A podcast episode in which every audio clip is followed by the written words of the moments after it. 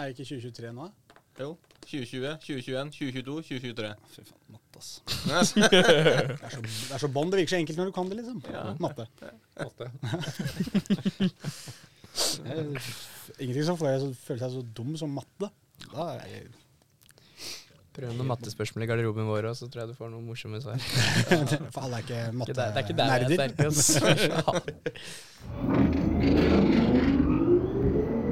mattenerder. Trikkeliga! Trikkeliga! Velkommen til uh, Trikkeligaen. Sesong fire, episode 37 har det blitt. Og igjen så er Håkon Thon vikarlærer for uh, gjengen. Aslak Borgersrud han uh, meldt frafall. Det gjør ikke noe det, for vi er fulltallige likevel. Alle mikrofonene er uh, montert opp, og det sitter personer bak hver eneste en av dem. Reidar Solli er på plass. Han er tilbake. Følte jeg det var sånn uh, Følte det som et sånn Nytt på nytt-innslag. Sånn Og Reidar Solli er på plass! Hey! Og Pål Karstensen er med! Og ikke minst Rasmus Eggen Winge! Kult! Da har vi gjest i dag òg. Rasmus, du er jo Vi får starte litt med deg. Du har jo du er vel en av de gjestene som på en måte kanskje har hatt mest lyst selv til å være med i, i denne podkasten. Du har fulgt med, fulgt med oss litt? Ja, jeg vil si det har vært drømmen min, det, å få komme her og snakke litt òg. Jeg har hørt på, på i nesten to år nå, nesten hver episode. Så nei, det er deilig å få, få den muligheten. Det er store uker for Rasmus eh, nå. Det er liksom Først eh, har han spilt Kjelsås inn til semifinale i cupen. Så har han forlatt Kjelsås og dratt til Eliteserien. Fått eliteseriedebut, både eh, spilletid og to kamper fra start. Og så debut i Trikkeligaen! Det blir bare større og større. Ja, det blir ja. Det er, det er, det er, dette det største, å være her? Ja, det er, det er der oppe i hvert fall. Ja. Det målet i kvartfinalen var helt ok, det òg, men eh, nei, det her er eh, top notch. Det var jo som eh, Jeg hørte et sånt innslag Var det Harald Grønningen som vant Sportsjournalistenes statuett et eller annet år? Når kan det ha vært, Solli? 60-tallet? Kan eller? ha vært til 68, kanskje? Ja, noe sånt. Eller 64? Og da får han jo spørsmålet eh, hvor stort er det å vinne den, på en måte? Og da sier han at det er kjempe, kjempestort.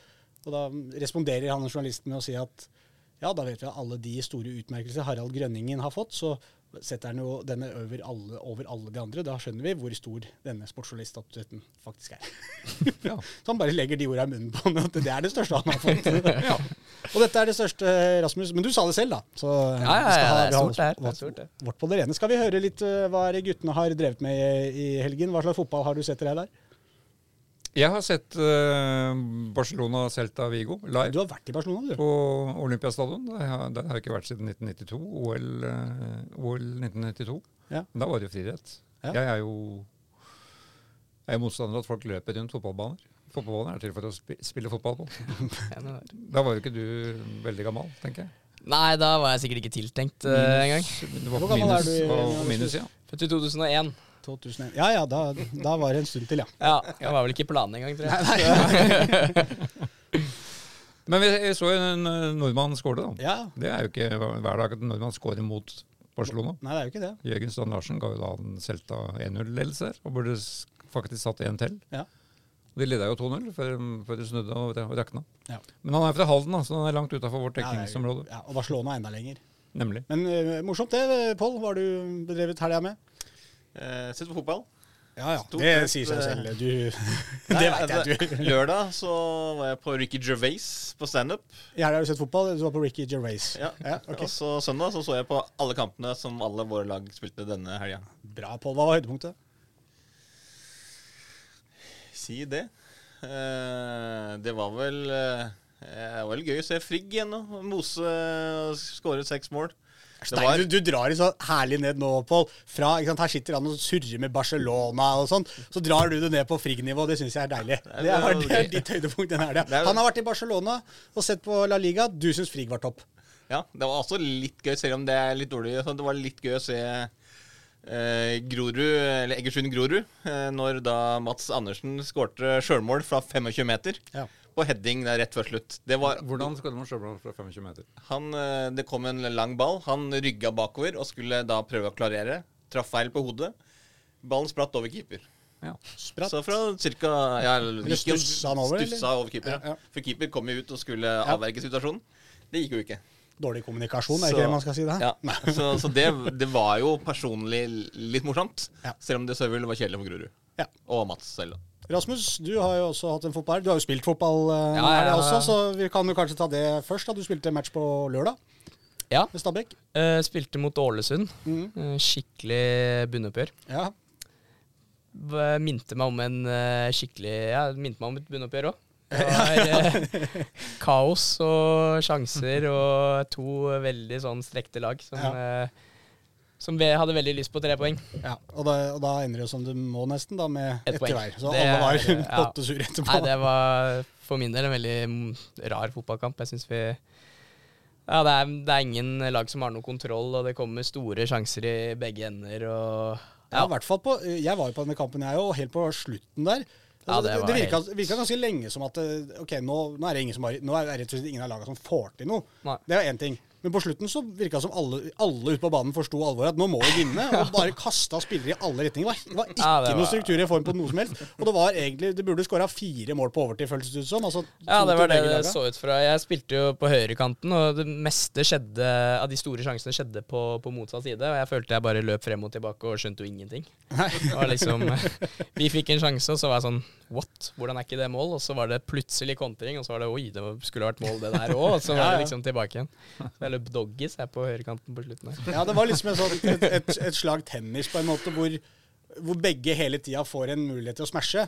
Ja. Smash, bommer på smashen hele tida, og den andre får Å, da er det min mulighet til å prøve å smashe, og bommer den òg. Treffer ramma hver gang og går rett i været. Og ny smash-mulighet. Ingen satt den. Og da ble, ja, ble det 1-1. Det ble 1-1. Ja, du hadde jo en assist, da. Ja, Den var jo, og den var dritfin. den var eh, Det er noe av det bedre jeg har gjort, tror jeg. Ja. Så, så er det jo mange som prøver seg på at det ikke var med vilje, men eh, Nei, den, den, den, Den går ikke. jeg- den syns jeg fortjener. Altså. Ja, da, hvis, du ser den, i- hvis du ser den i reprise, Ja. så, så ser du at det er med vilje. Ja. Det kan hende der jeg kan, Det lengste jeg kan dra det til å ta vekk noe av æren, det er at du eventuelt da havner inn i situasjonen litt sånn litt tilfeldig. At du, på en måte, du går ikke eh, To sekunder tidligere så går du ikke inn og tenker at nå skal jeg gjøre akkurat Nei, det. nei, nei, absolutt Men, ikke. men når ballen først havner der den gjør, og du ser at Oi, jeg rekker kanskje ikke helt fram på den, det er bare å få stoppa den og slått med hælen tilbake igjen Ja. Til, eh, til lagkameraten din Costadino, som dro den opp i krysset. Ja, med feil fot der. Med feil fot. også, Ja. Nei, så, nei, så jeg, jeg så han ikke sjøl, så jeg får, skal ikke få noe kred for det. Men han eh, ropte jo så ille. Jeg trodde jo det skjedde noe med ham.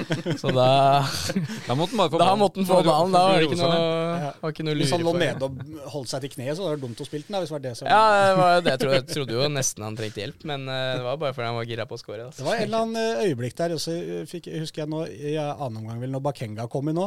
Han var borte og prata til deg.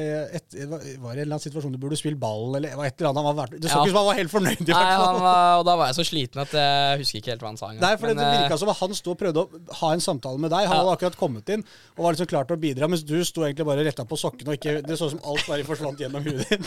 hadde jo så kramper òg, vet du. Så.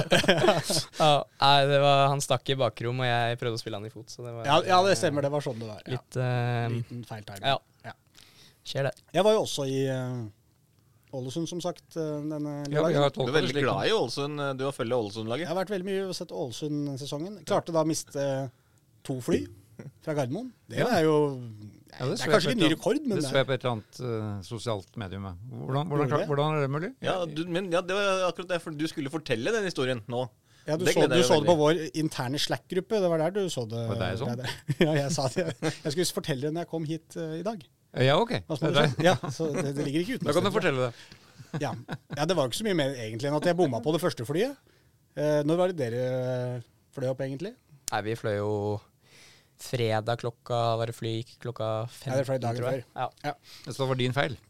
Første, første Det er vel vanskelig å argumentere for noe annet. Det er din feil når du bommer på flya, på en måte. Men første eh, var jeg bare for seint ute til. Jeg løp gjennom Gardermoen og var der fem minutter før flyet skulle gå. Flyet sto der. Jeg sto der med to andre som var frustrerte og som også skulle på fly. Og det er det som er så irriterende når du mister et fly. Det er jo at når flyet skal da gå kvart over, eh, så, og du er der ti over hel, så går jo ikke det flyet nærmere før noen ganger før halv. Ikke? Det står jo der et kvarter, og vi står der og sitter og ser på. Liksom, for kan vi ikke bare gå om bord, da? Det vil jeg tre stykker, liksom.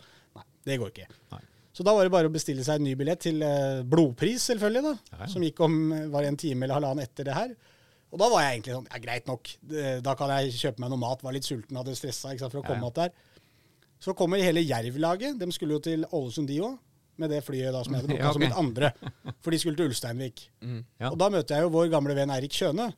som trener dem nå. Ja. Tar tak i han, står og prater med han. Hele Jerv-laget står uh, der borte ved skranken. Jeg er jo framme i god tid, halvtime før, står og ser på skranken. Bårdingen har begynt, A- og B-grupper skal inn. Jeg har F eller noe sånt, ikke sant? kjøpt den billigste billetten. Og, og de står der. Jeg tenker, Disse har jo kontroll på det. De, altså, det er jo et helt fotballag som skal om bord på dette flyet her. Og Så ser jeg på klokka fem på at flyet skal gå. Det, nå må jeg jo gå bort, på en måte. Og da når jeg og Eirik går bort, så sier spilleren vi kommer ikke om bord. Da, da sto eh, Ton og hele Jerv-laget igjen på Gardermoen og måtte da booke mitt tredje fly for dagen. da. Det ble ikke noe billigere liksom utover kvelden der heller. Ja da. Så, men Det er sterkt av Jerv, da. Og hele laget også mister det flyet. ja da, de, Men heldigvis så gikk det ett fly til, da. Som de vel også da kom seg på Nei, de, det var to fly seinere. Samme det. Men Jerv missa det, det må jeg. Så de fikk vel 2-2 der oppe. Var vel ikke 100 kanskje det. De leda to ganger, tror jeg. Men jeg var jo sammen med TV 2-bossen i Barcelona, så underskuddet i TV 2 er ikke noe problem der. Om det blir noen eh, lapper mer. Det blir, Din eh, Ak- Ålesund-erfaring. Ja, akkurat hvordan jeg skal skrive disse reiseregningene fra den turen, her, er jeg litt usikker på. Har brukt Men hvorfor 7500 på én vei opp til Ålesund. Hvorfor kom ikke et helt lag med?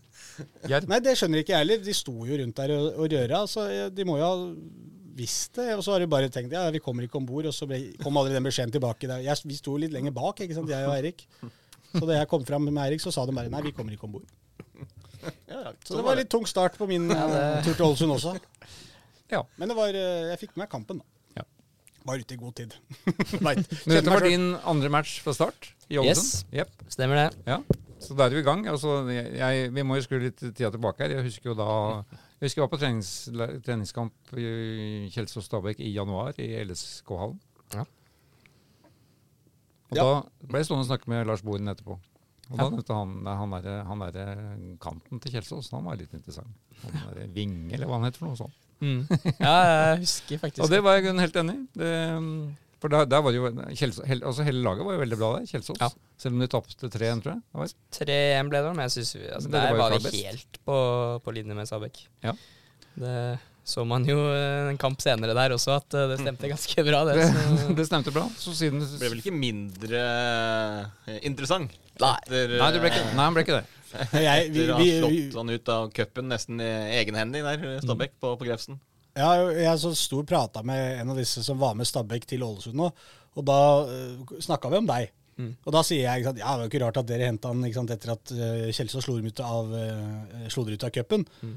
Men da også var han tilbake sånn Jo, det var men, men den treningskampen som var i vinter, han også dro opp den. Der var han jo også helt vanvittig, husker jeg.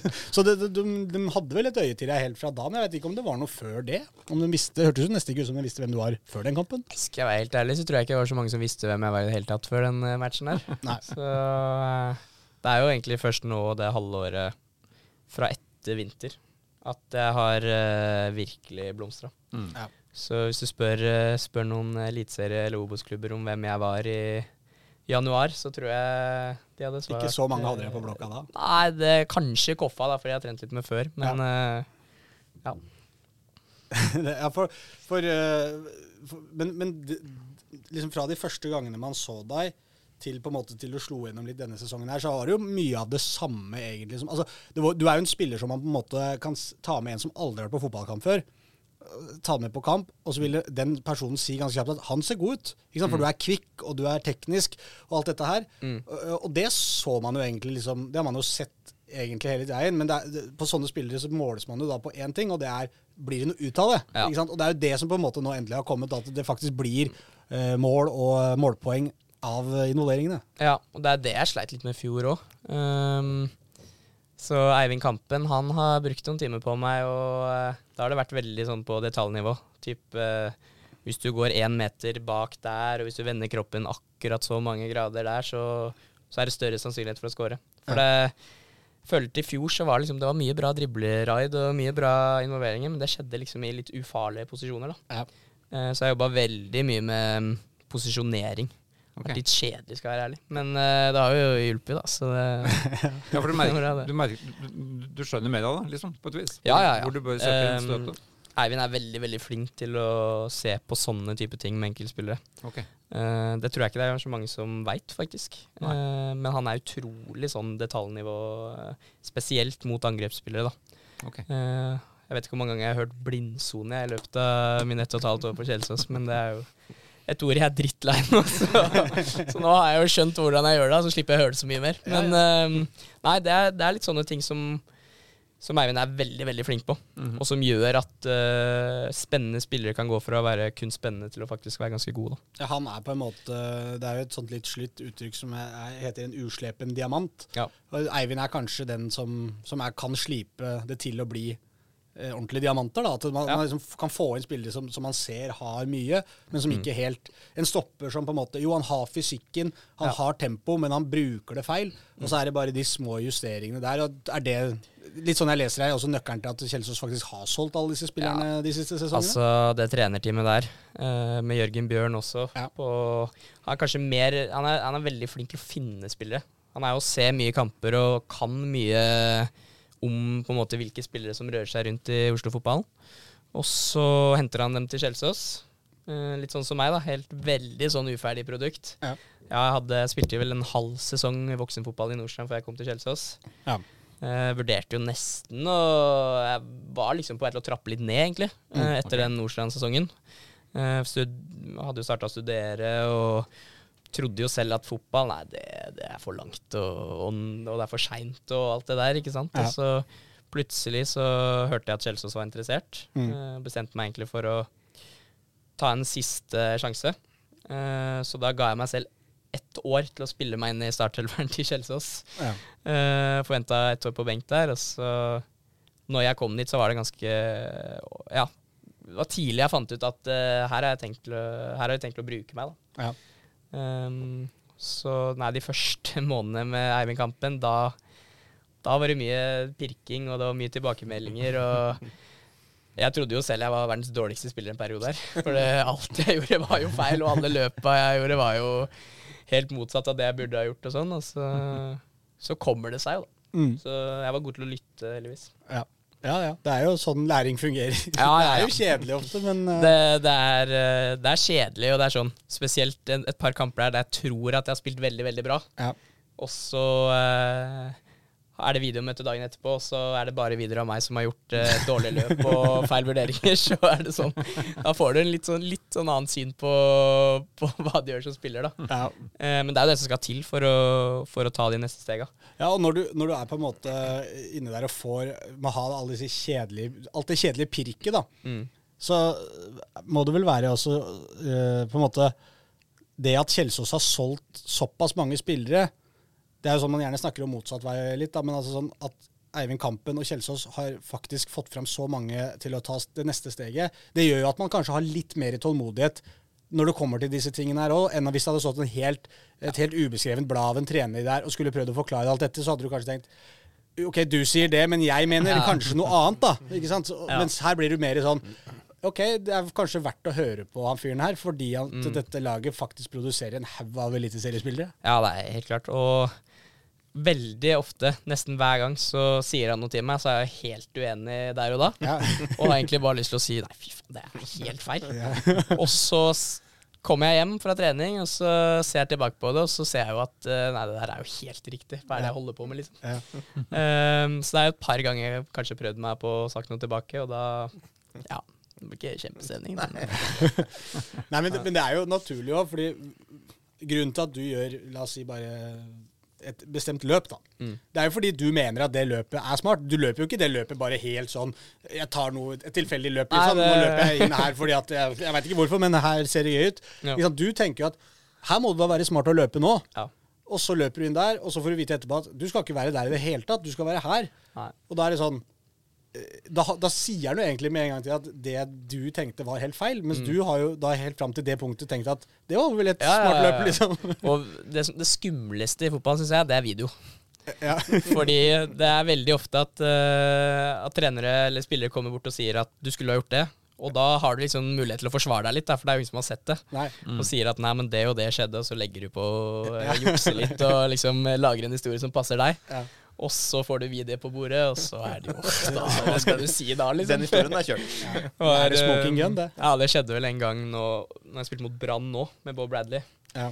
i garderoba der, så, så hadde vi videomøte, og da var det mm, Jeg husker ikke helt hvem som hadde tror det var Sturle Ottesen, jeg, som eh, hadde ballen. Og jeg var på vei mot cornerflagget i et løp, og det så så dumt ut. Vet du. Og da, da, altså da Når det kommer video på bordet, da har du ingenting du skulle sagt. For da, da ser alle i garderobene, trenerne ser det, og da må du egentlig bare legge deg flat og si at eh, nei, det der var dumt. Men er det noe du har, så er det jo Du har jo også en vanvittig motor, egentlig. da. Du, altså, du, en ting er jo trenere her synes at du løper gærent noen ganger, men én ting skal du jo uansett ha, det tipper jeg kanskje trenere har sagt ja, at det, Uansett så er det bra at du går på så mye løp. Altså, Ja. du, du, er jo alltid Om kanskje ikke løpet ditt er he, 100 riktig, så er det i hvert fall bedre enn å stå stille, på en måte. Og, og Ja. der er det jo Du er jo alltid i bevegelse. Ja, eh, og det husker jeg også Eivind sa. At, eh, og han ga meg nesten litt kritikk for det noen ganger òg. At eh, mye av de løpa jeg gjør, er veldig unødvendig. Ja.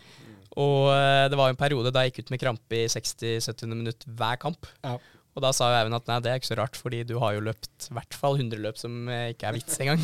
så, og det som er morsomt, er jo at eh, når jeg kommer til Stabæk med Bob Bradley, så sier jo han egentlig akkurat de samme tinga som det Eivind Kampen og satt Thomas på meg Ja. på Grefsen der òg. Har, har du alltid vært sånn som spillertype?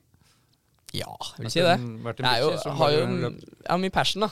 Ja. Jeg har, jeg har veldig veldig lyst til å få til ting, og syns jo at det er morsomt å få ball.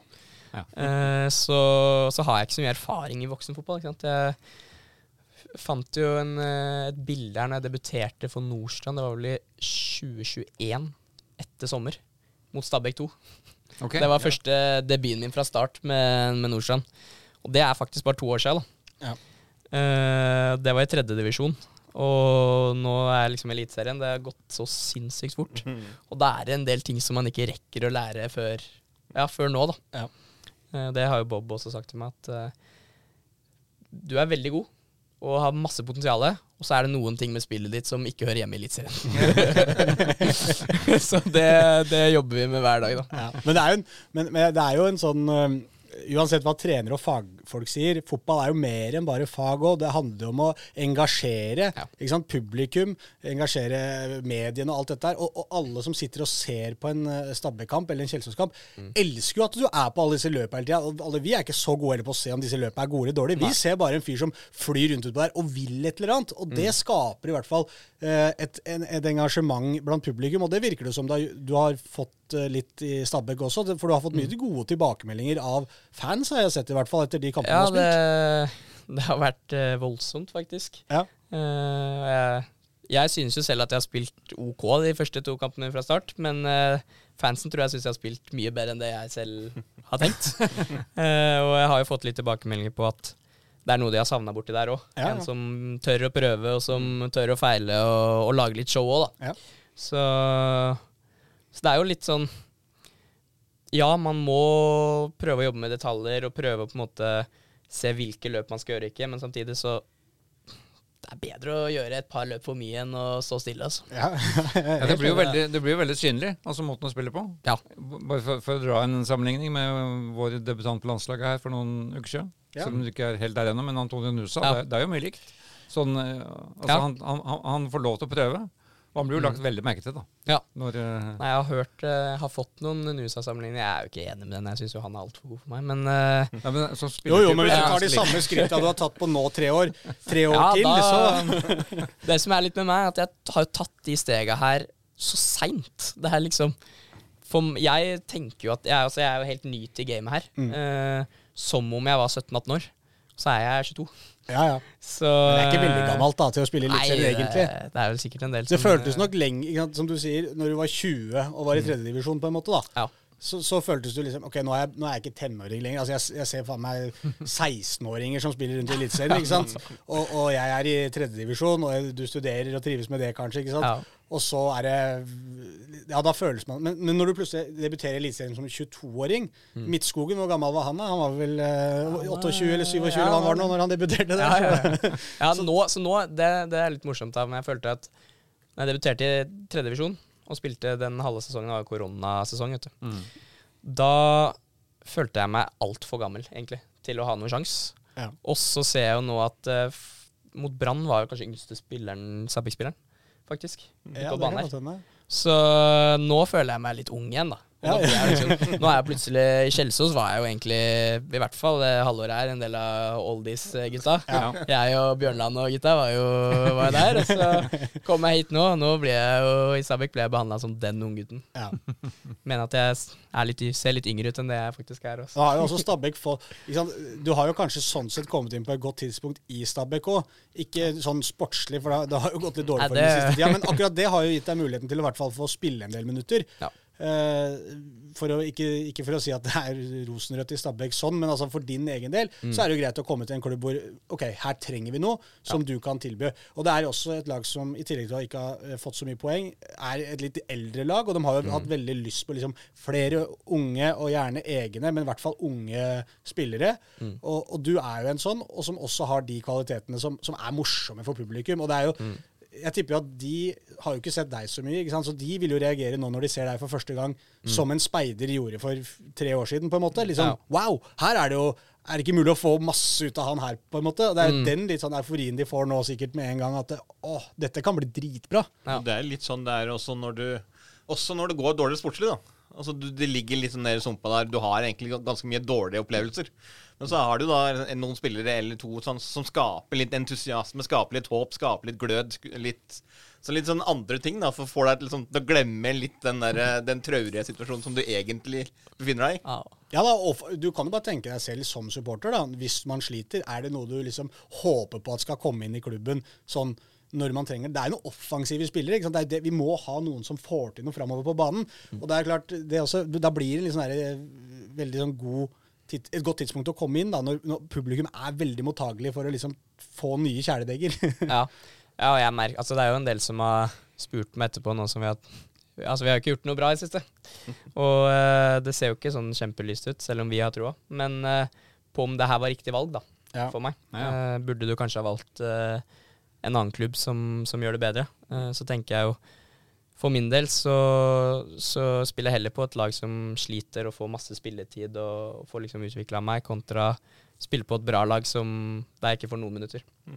Spiller, eh, spiller fotball fordi jeg syns det er gøy fortsatt, selv om jeg nå også kan leve av det. da. Ja. Uh, men det er jo på en måte Det er fordi at jeg syns det er gøy at jeg spiller. Og, og det å sitte på benken og ikke, ikke få tillit og sånn, det, det er ikke like gøy. Men hadde du noe særlig valg? Jeg hadde en del tilbud, ja. Okay. Eh, Så jeg hadde overraskende mye muligheter. Og de har kommet i løpet av våren? De har kommet i løpet av våren. Ja. Så før eh, jul, da var det helt stille. Da var det, jo, det var vel kanskje Jeg tror Levanger var litt eh, frempå en periode her, og så var det vel ja, sikkert noen tredjedivisjonsklubber og sånn som ville ha meg. Men, men alt har skjedd etter jul. Ja, ok. Ja. Ja, men det, er jo, men det er jo også sånn, Levanger de kan jo fort finne på å rykke opp på en måte. da. Ja. Stabæk kan jo fort finne på å rykke ned, så det er jo liksom Da er man plutselig på samme sted. Levanger men, men det er jo to forskjellige klubber, da. Ja, og Levanger prøvde seg fordi at jeg skulle jo egentlig ut i turnus eh, som fysioterapeut. Ja, Så da prøvde Levanger seg med å prøve å finne turnusplasser til meg og, Ja, ja. og lokke meg til på den måten. da. ja, ja men det er vel ikke så, dumt. jeg var ikke så langt unna. Men, uh, Godt forsøk. det var, ja, jeg skal få kred for den. Altså. Ja, men, det er jo, uh, men du er på en måte litt sånn innstilt på at hvis Stabæk rykker ned, så, så er det greit for deg, på en måte, og da er du med, med på det? Med mindre noe annet dukker opp, selvfølgelig. da, men sånn, Ja, uh, nei, altså så lenge jeg får fortsette å få tillit og, og få spilletid og sånn, så, så er det ikke så farlig for meg. Nei, for Stabæk er jo et lag som er sånn Hvis de rykker ned, så vil de være store favoritter igjen til å rykke opp. Ja. på en måte, og Da kan man jo forhåpentligvis få være med på en morsom sesong, en helt annen type sesong da Ja. igjen neste sesong, hvis man er der, da. Da får jeg vært med i Obos òg, vet du. Det har jeg ikke Nei, det er det. jeg har jo Du var med der, du hoppa over, da. Jeg hoppa over den og så tilba... lite sånn steg tilbake. Nei, nei for alle, vi, er, vi går jo ikke for å rykke ned. Nei, nei. Men jeg tenkte på hva du tenker liksom Ja. sånn, Man har gjort seg noen tanker Ja, det er jo en fare for at man rykker ned. Det er liksom vanskelig Det, å komme det er det jo alltid. Uh, nei, jeg har ikke gjort meg noen tanker om det. Jeg tenker at uh, jeg har en uh, kontrakt i Stabæk som strekker seg noen år, og akkurat som det er nå, så er det det jeg tenker å gjøre. Ja. Så får vi bare se. Vi gleder oss jo allerede til Vålerenga-Stabæk, er ikke det? På Intility? Jo, jo, jo. Det er ikke så vel- lenge til det. Det er vel ute i Er det november? Eller er det Ja, nei, det finner vi ut av. Nei, det er jo, det er jo en nøkkelkamp i høst. En av mange. Ja, det kommer, mange, ja, det kommer jo mange sånne spennende oppgjør i, i båndstriden der også. Det er, jo, det er jo litt morsomt å spille Jeg, jeg hørte både disse Ålesund-spillerne og dere i Stabæk i, før den kampen på lørdag. Prøver liksom begge, begge leirer prøver veldig å liksom prøve å snu det til at det er jo slike kamper vi har lyst til å spille, som betyr noe. Og det kan man jo skjønne, og det er på en måte litt nøkkelen å prøve å liksom Det er kulere på ett vis å følge et lag i nedrykksstriden. Men det er med en stor forutsetning, da, at det går bra til slutt. men, men å spille liksom kamper mellom 7. og 8. plassen, liksom, da er det ikke liksom, samme trøkk ofte rundt kampene. Men det blir jo en sånn derre litt sånn finalestemning noen ganger når disse enkeltkampene som er litt sånn to streker under andre båndlaga Ja. kommer, eller dere skal dit. Så blir det jo litt sånn ekstra Det blir noe ekstra rundt det. Ja, altså det blir uh, mye rundt det. Jeg var mye mer nervøs mot Ålesund enn mot Brann. Ja, ikke sant? Det sier jo litt. Uh, Brann er jo et mye bedre lag, men Ja, og der var det sikkert uh, en del tusen flere på tribunen òg, vil jeg ja, tro. ja, på ja, Brann der var det jo fullsatt på Nadderud, faktisk. var ikke så gærent i Ålesund heller, faktisk, nå, da. Jeg tror Nei, det var overraskende bra Ja. til hvor lite poeng de har tatt. Ja. Men jeg vet ikke helt. Det er, mot Brann så har vi ikke noe å tape, ikke sant. De, de fleste forventer at vi skal, at vi skal tape den kampen. Ja. Og da, det er jo egentlig akkurat som jeg har vært med på i Kjelsås i år òg, med cupen. Du, du er ikke noe redd for å, å spille en kamp som alle forventer at du skal tape. Nei. Det, det er ikke så skummelt. Men å gå ut på der og vite at her, må, her skal du vinne, Ja. Og hvis du taper, da får du høre det, Ja. da Den er verre, syns jeg. Altså. Ja. Ja, for Det høres ut som du i hele oppveksten egentlig har vært mest opptatt av det gøy. Ja. Bare på, med fotball. Ja. Uh, er vel definisjonen på en litt sånn late bloomer som eh, har tatt det litt som det kommer. Ja. Uh, har jo spilt i Nordsjøen i åtte år, Ja. uh, fra jeg var 13 eller 14 år. Og har liksom, jeg har vært og trent med Rosenborg i perioder, jeg har trent med Vålerenga i perioder, Stabæk i perioder, og, og har hatt muligheten til å gå til, til de klubbene Mm. eh, som en sånn akademispiller. Eh, men jeg har egentlig skjønt Jeg skjønte veldig tidlig at akademiveien, det, det er ikke noe for meg. Det, det blir for meg litt for uh, mye seriøst for tidlig. Uh, at du blir satt inn i et system som en 14-15-åring, det tror jeg hadde ødelagt meg, da. Mm. Så da ble jeg jo i Nordstrand og spilte egentlig bare for gøy. Eh, helt frem til ja, Jeg vil jo si at jeg spilte for gøy i Kjelsås òg, ja, men Spilte for gøy. egentlig Du nå- spiller for gøy. Det ble jo ganske gøy. Ja. Det så iallfall veldig gøy ut. ja. Nei. ja, men jeg har sittet mye på benken eh, oppover, da. Så det har ikke vært så gøy. Nei. Eh, men da er det jo på en måte Grunnen til at jeg fortsetter, er jo fordi at jeg elsker fotball. Og, og synes at uh, fotball er det gøyeste i verden. Ja. Og da tåler man å sitte litt på benk òg. Ja, for du syns det er gøy med trening òg, på en måte? Bare å Ja, det spille da- jeg elsker, elsker trening. Ja, ja, så lenge det er spilling. Ja. Ja. Spilling da oh, sånn der eh, koronatrening, det var det verste. Da, da skal jeg være ærlig og si at da vurderte jeg å slutte, Altså. Men Jeg var ikke alene, tror jeg. Var du i Nordstrand sammen med han Bjørn Martin? ja, jeg prata jo lenge med han eh, etter Ålesund-matchen òg. Vi Ja. var veldig gode venner. Ok. Eh, Spilte sammen på GS15 Nei, det er jo ikke. G16 og to-tre år i, på juniornivå. Ja, nettopp. Så vi spilte Vi spilte mye sammen og var veldig gode venner. Hvordan var han i løypa i forhold til deg da? Ja, mye lenger opp, vil jeg si. Ja, han var det. Han, Han var, spilte fast, eh, liksom? Ja. Ja. Han, han slo igjennom litt før meg og, og hadde Skal jeg si Han hadde noen sånn ferdigheter, kvaliteter, som der du så at her kommer det til å bli Han kommer til å bli en veldig god spiller. Mm. Rask og målfarlig. Eh, Jeg vil si at kanskje jeg var en litt kjedeligere spiller da. Eh, Jeg tenkte i hvert fall tenkte på meg selv at nei, du er litt sånn medium i alt og, og sånn. Eh, Da spilte jeg jo faktisk i starten sentral midtbane òg, da. Okay. Eh, under en som heter Gjerstadberget. Og det tror jeg er noe av det smarteste som har skjedd meg. Fordi da spilte jeg en sesong på midtbanen, og plutselig begynte jeg å se over skulderen min, og, og ikke bare ned på ball. Ja, sånn, ja. uh, så de ferdighetene jeg tok med meg fra å spille midtbane, har på en måte gjort at jeg har eh, fått til å spille kant og spiss mye bedre. Jeg, føl, jeg føler at Vi, hvis jeg hadde vi må jo nevne at vi snakker om Bjørn Martin er Bjørn Martin Kristiansen, Kristiansen fra Christensen i tidligere. Nordstrand og Grorud. Så Nei, han, og han dro jo før meg òg. Jeg ble jo igjen i Nordstrand i, i to år etter at Mm. han dratt til Grorud. Jeg, føler, jeg kjenner Hvis jeg hadde sittet som trener og hatt deg på midtbanen, så kjennes det ut som Både ut fra hva du liksom har forklart selv her nå, men også sånn hvordan jeg kjenner deg og har sett deg. At det hadde, de hadde- jo, det kan du godt si. Det er den hyggelige måten. Men jeg hadde tenkt sånn Uff? Snakk, her er det snakk om å liksom ikke gjøre de der dumme løpa, ikke miste huet, ikke løpe altfor langt opp, ikke alt for langt? Jeg føler at du, hadde, du var litt sånn overalt på den midtbanen, og kanskje ikke nødvendigvis bestandig på det stedet du burde ha vært, men at du, du fløy rundt der òg, da. Jeg hadde noen helt fryktelige kamper. Det var sånn, du visste før kampen at ja, du kommer til å slå noen helt ville pasninger. Ja. Og så kommer du til å ha like mange brudd som bakerste mann. Og det verste var jo den perioden jeg droppa ned mellom stopperen òg, vet du. Ja, nei, nei, nei. Nei, det var Ja, eh, Ordentlig fuglebikkje Ja. overalt. Ja, men det er sånn, Når du hører hodet til, eh, til Rasmus her, så er det sånn Ligge som bakerste mann mellom to stoppere, få ballen, alltid lyst til å prøve å dra av en mann hvis det kommer en liksom Jeg kan jo bare prøve, det er ikke noe farlig å prøve, vet du. Nei, det var et par ganger Åh, jeg fikk høre det godt da òg. Da jeg var bakerste mann, og så var jeg liksom Hva gjør vi nå? Så, ja, da tar vi hælspark, da. og det var jo en del brudd der. Men jeg tror jeg hadde veldig godt av den tida òg. Ja. fordi at du får Altså, de kvalitet, altså de tingene man gjør på kant og spiss, er ofte med en del rom, og du har litt space. Men på midtbanen er det mye trangere, og du må gjøre valg fortere. Du må spille på 1-2-touch. Det visste jo jeg ikke jeg hva var på den tida, nesten. Så når jeg da etter hvert uh, skjønte den, og verdien av å spille på få touch på midtbanen, så, så begynte jeg å gjøre litt mer av det på, på kant- og spissposisjon òg.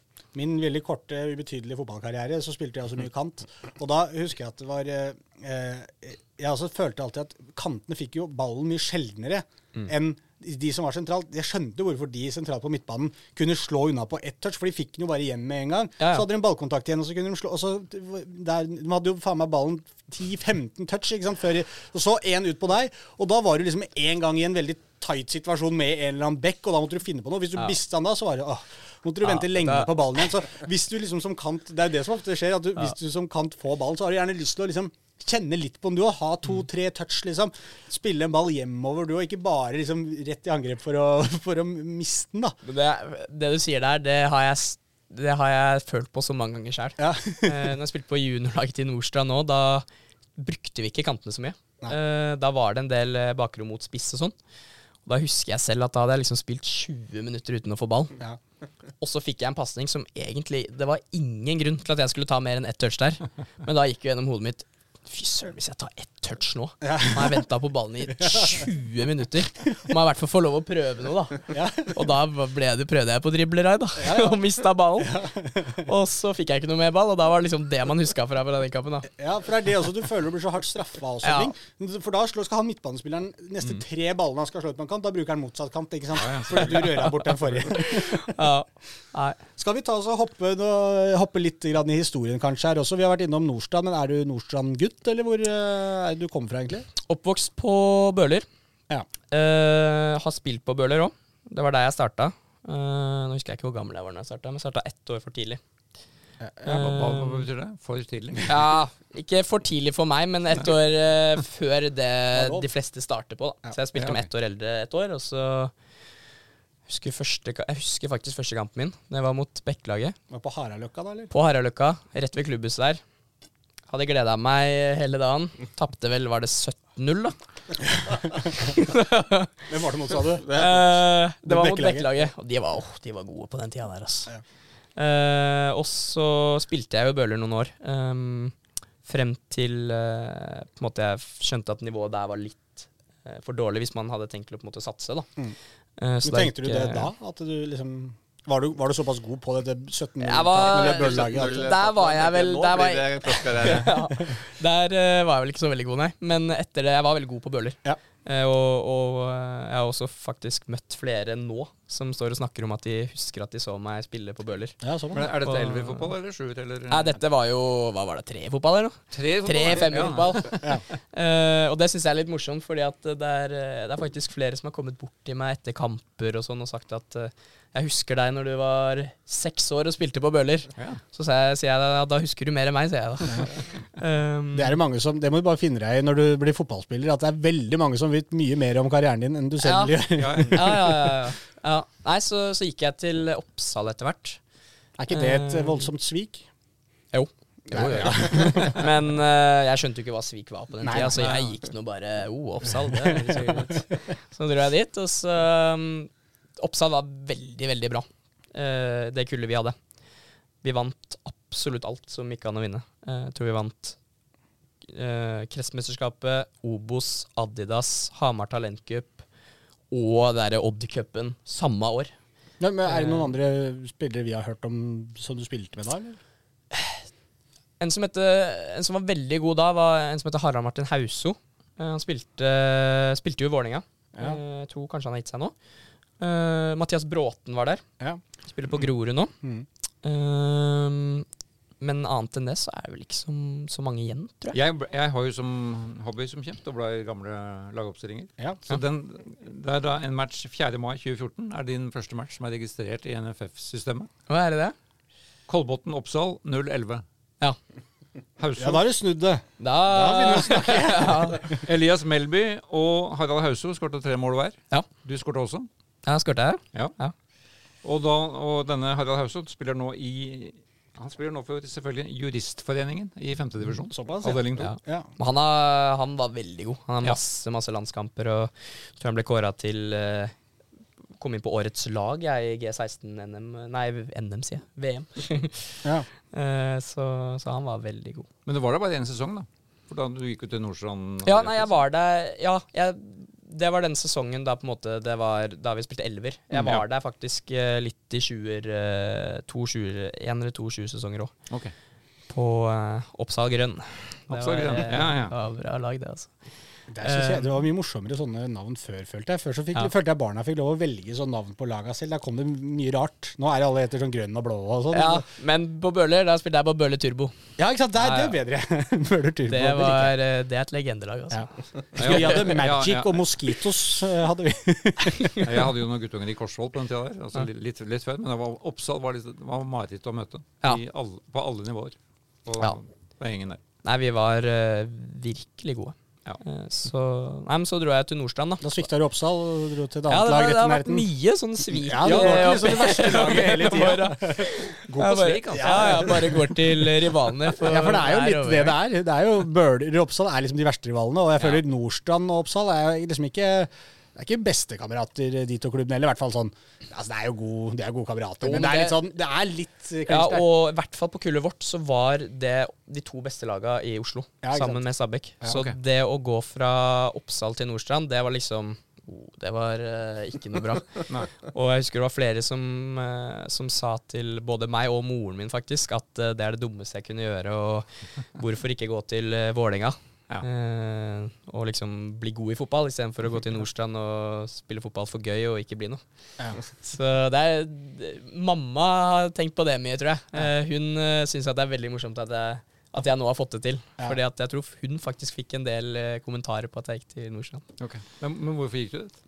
Uh, nei, jeg synes Det var mange som gikk fra, fra Oppsal på den tida. Det var, eh, det var litt klinsje med trenere, og det var eh, en del misnøye blant spillerne og sånn. Ehm, så da ble det bare sånn at uh, veldig mange dro. Jeg husker Vi også hadde en- en del spillere fra Klemetsrud også Nordstrand ble sånn der hatlag. For for alle som var gode, dro til Nordstrand, for det var liksom litt mer Ja. proft opplegg. ikke sant?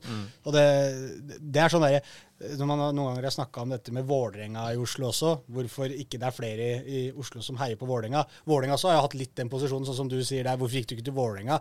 Og veldig mange av de som er igjen på liksom barndomsklubbene, da, så mister du de beste spilleren din til liksom da Vålerenga eller Nordstrand. Og da blir du litt sånn forbanna på Vålerenga og Nordstrand, fordi at det, de stjal liksom den beste spilleren vår. Selv om vi andre som ikke skulle bli proffe, vi tenkte jo ikke tanke på at de, det var kanskje et lurt valg for å bli bedre fotballspiller. Vi tenker jo bare nå blir det jo dritkjedelig for oss som er igjen. For nå taper jo vi Når ikke vi har han som vi kan sette inn og score når, når det passer oss, når vi ikke har han lenger, hva, hva skal vi gjøre da? Det skal sies at Nordstrand, når jeg gikk dit, så var ikke Nordstrand et lag du gikk til for å nødvendigvis bli noe bedre. Nei. Um, det som har skjedd nå i de nyere åra, er at Nordstrand har blitt en litt sånn talentfabrikk. Det er veldig mange spillere drar til. Uh, jeg vet ikke, jeg har ikke telling jeg på hvor mange Thomas Holm har henta siste åra. Men uh, da var det liksom Stabæk eller Vålerenga. Og så har de jo ganske tett bånd med Koffa, egentlig. Og har Ja, det er et bra samarbeid der. Ja. Veldig bra samarbeid der. Uh, men altså på min tid, da, skal jeg, si det på den måten Ja. Du har blitt gammel. Ja, gammel. Da, var, da var det enten Vålerenga eller Stabæk, eller så satsa du ikke. Det var litt sånn. Okay. Ja. Og på kretslaget og når jeg var eh, 13 år, da var det liksom 25 spillere i troppen. 14 stykk fra Stabæk, 10 stykk fra uh, Vålerenga. Og så var det liksom et par uh, tapere på de andre laga som uh, var litt sånn stallfyll. Det er gøy. Ja, men da Ja, for eh, Thomas Holm vil jo gjerne at vi skal, også skal lage den saken. Ja, Du lagde en sak på Koffa hvor mange Ja, ja, de på- hadde sendt ja. til Eliteserien. Thomas tre- Holm ville ha en Ja. tilsvarende sak på Nordstrand. Hvor ja, det, det begynner jo å komme seg nå. Det blir en del også. Det var vel 13 stykker pluss Isnes som trener, var det ikke det? Ja, med Ja, Koffa- på Telle Koffa. meg, telle meg nå. Så ja, ja, altså For Isnes så er det det er viktig. Ja, altså. ja, ja. Fordi han, han liker, liker det. Men, eh, men ja, det, det var jo Sverre Sandal Ja.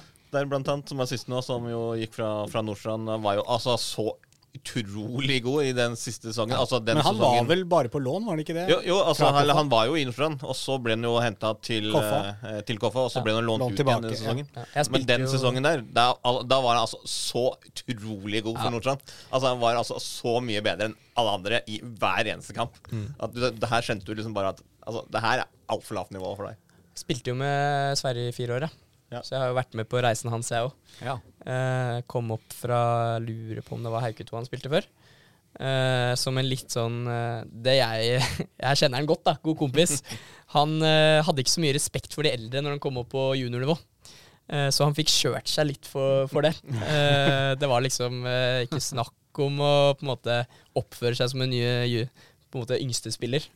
Eh, Hva er, det, hva er det man skal gjøre for å oppføre seg som en yngstespiller? Eller hva var det han ikke gjorde? Nei, altså det du Jeg husker når jeg kom opp på junior òg. Hvis det var en av de eldre som spurte meg om jeg kunne, om jeg kunne få flaska mi, så ga jeg dem to flasker også. Det var liksom Da gjør du alt du blir eh, bedt om. Ja, sånn, ja, ja. Da er du litt sånn slave, da, rett og slett. Du, du, tar, du, åpner, du skrur opp korken og putter et par isbiter og oppi. hvis de har lyst til at jeg skal knytte skoa, så går jeg ned på knærne og knytter skoa dem. Så, liksom.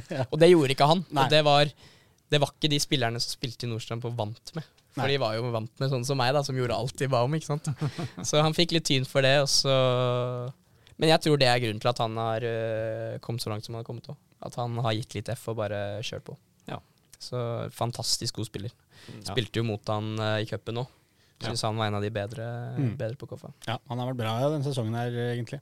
Ja. Skal komme under, under Thomas Holm sine vinger da, etter hvert eh, i Nordstrand? Thomas Holm eh, skal få en stor takk for at jeg er her i dag. Ja. Absolutt. At du er her i eh, Trikkeligaen. ja, det er han som har fått meg til Trikkeligaen, ja. Ja, ja. ja. Nei, men um, han henta meg opp uh, i 2019. Mm -hmm. um, og han sa også at han så på en måte potensialet mitt. Da, på den tida følte jeg kanskje at han var en av de få som faktisk gjorde det. Da var jeg litt på vei ned, og jeg var litt lei av fotball. Og, og hadde ikke noe troa på at jeg kom til å bli noe. Uh, men han tok meg virkelig opp og, og lot meg være med på to A-lagskamper. da. Ja. Uh, ble jo ikke noe masse minutter der. Det var vel bortetur til Molde med to minutter og en hjemmekamp med fem minutter. Men bare det å på en måte føle at man blir sett, da. Mm. Uh, og liksom ser at en trener virkelig tenker at ok, her er det potensial. Mm. Det husker jeg var liksom game changing for meg. Uh, og da fikk jeg mye selvtillit inn i 2020-sesongen. Så ble jo ikke det noen sesong pga. koronagreiene.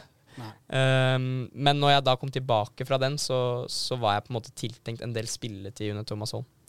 Uh, og han sa faktisk allerede i 2019, tror jeg, at han trodde at jeg kom til å komme til Eliteserien. Så det er litt uh, kreds til han. Ja, det er sett. tror jeg ikke moren min trodde engang. Han gjorde jo comeback var det vel i Ja, går. du, det så jeg faktisk. Ja, gjorde vel comeback i. Eh, Thomas Holm. Oh, Ja. Spilte jo-? Nei, han gjorde jo det som vanlige Nordstrand gjør. Ja. Han satte jo inn seg selv og assistenttreneren eh, fra start. Banka ballen utover eh, sidelinja fra avspark og lunta ut da etter å ha spilt sju sekunder. Det var Du så vel kanskje litt på den eh, når han løpte av banen, at eh, den formen var bedre i glansdagen i Vålerenga. Ja, At han hadde, ikke holdt så veldig mange minutter uansett. liksom. Eh, Det, så litt sånn ut at, uh, u- altså hvis Men han hadde hvorfor gjorde de dette? Bare for å få Nei, det er, ikke, det er jo samme som at de, de vil jo ha eh, laget sitt i eh, Altså rykke opp med, med andrelaget. Ja, det var samme Så, så det er samme ja, ja. taktikken som de har jo kjørt nå. Men altså, tidligere så har de kanskje hatt eh, andre spillere da, bytte Ja, ut så nå måtte, han jo, nå måtte de trø til selv for å gjennomføre de byttene sine. Det var faktisk uh, Azar Karadas, assistenttreneren vår, som eh, kom bort til meg på flyplassen Uh, Uh, ja, nå var det reiste hjem, var det i forgårs, og sa liksom hva er det som skjer, Eh, er det en annen Holm på laget, eller? For de kjenner hverandre ganske godt, da. Ja.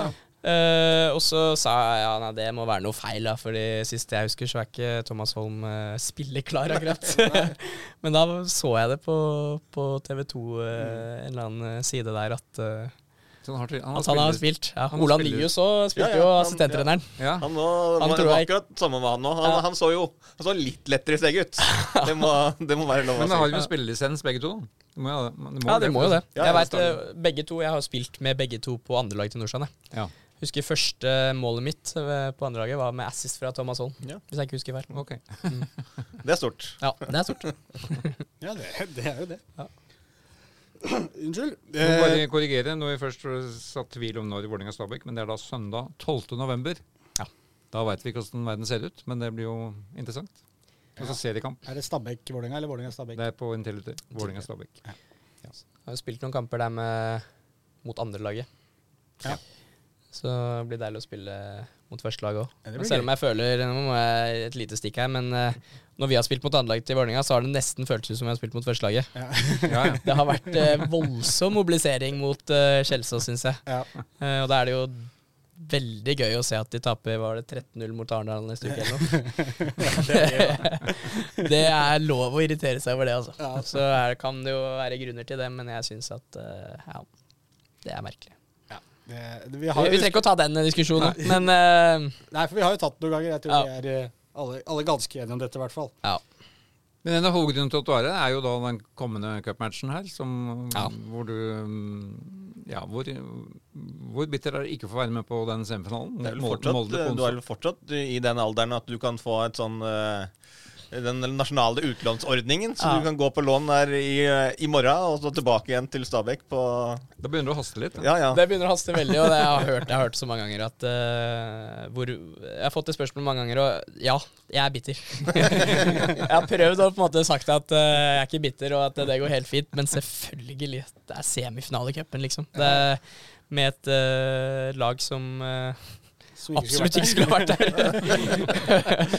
Ikke ut fra, ikke ut fra det sportslige, men ut fra alt annet, så skulle de kanskje Ja, vært Og der. det er jo liksom litt av altså, sånn, Nå skal ikke du få all grunn til det heller, men, men liksom, i hvert fall når du har vært med å spille deg fram dit, da. Ja. Så er det liksom nå, Men nå skal liksom resten av gutta få liksom den derre Mens du må, må stå og, og se på.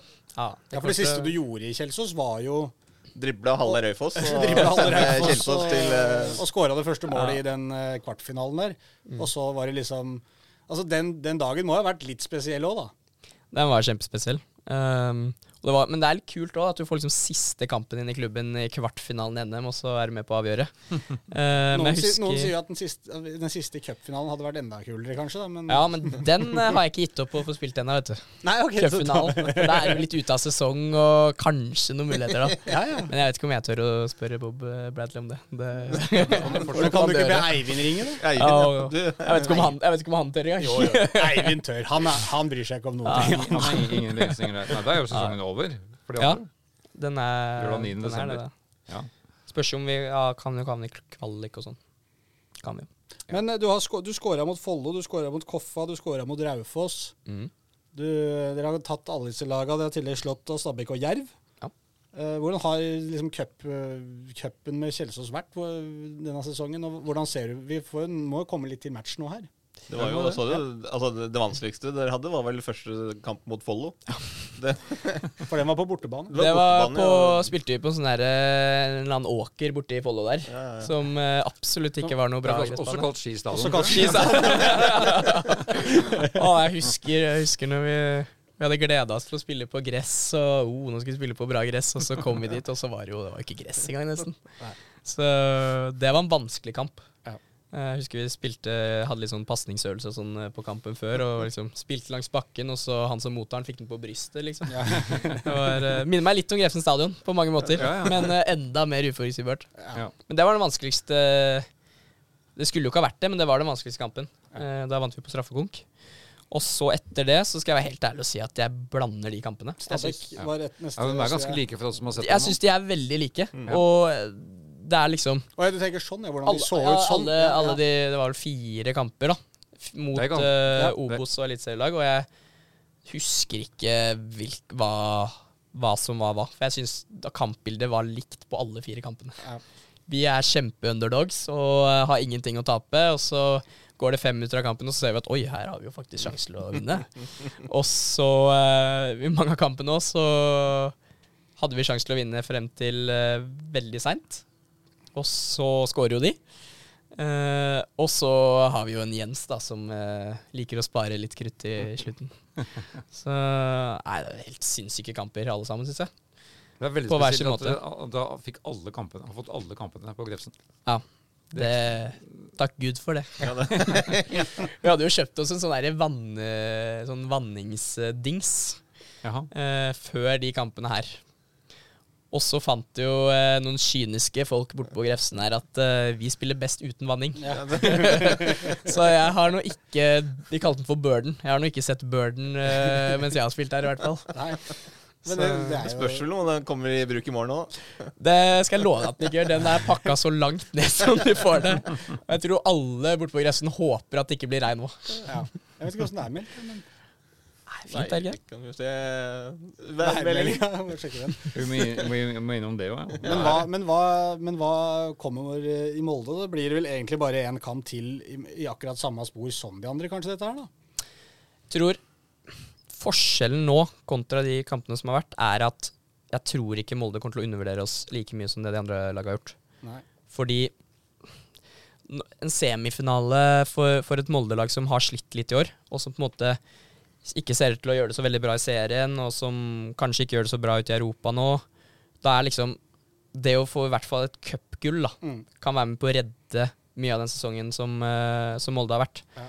Um, Og I hvert fall for cupfinalen også. Bare sånn, Ja. altså sånn det å altså, ryke mot Kjelsås i en semifinale, da har du egentlig bare spilt masse kamper forgjeves i den cupen. Det bare legger seg Ja. til på det som har vært en dårlig sesong for dem. Ja, så jeg tror, jeg tror de kommer med et bra lag. Jeg tror de kommer med en innstilling om at de skal vinne. Og så tror jeg de kommer til å bli sinnssykt overraska over hvor dårlig den banen er. Ja.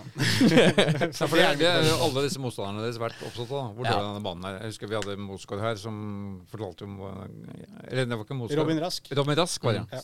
Han holder en forelesning om hvor det, eller Ja. det dette greiene var. Og ja, banen er dritdårlig, men Ja.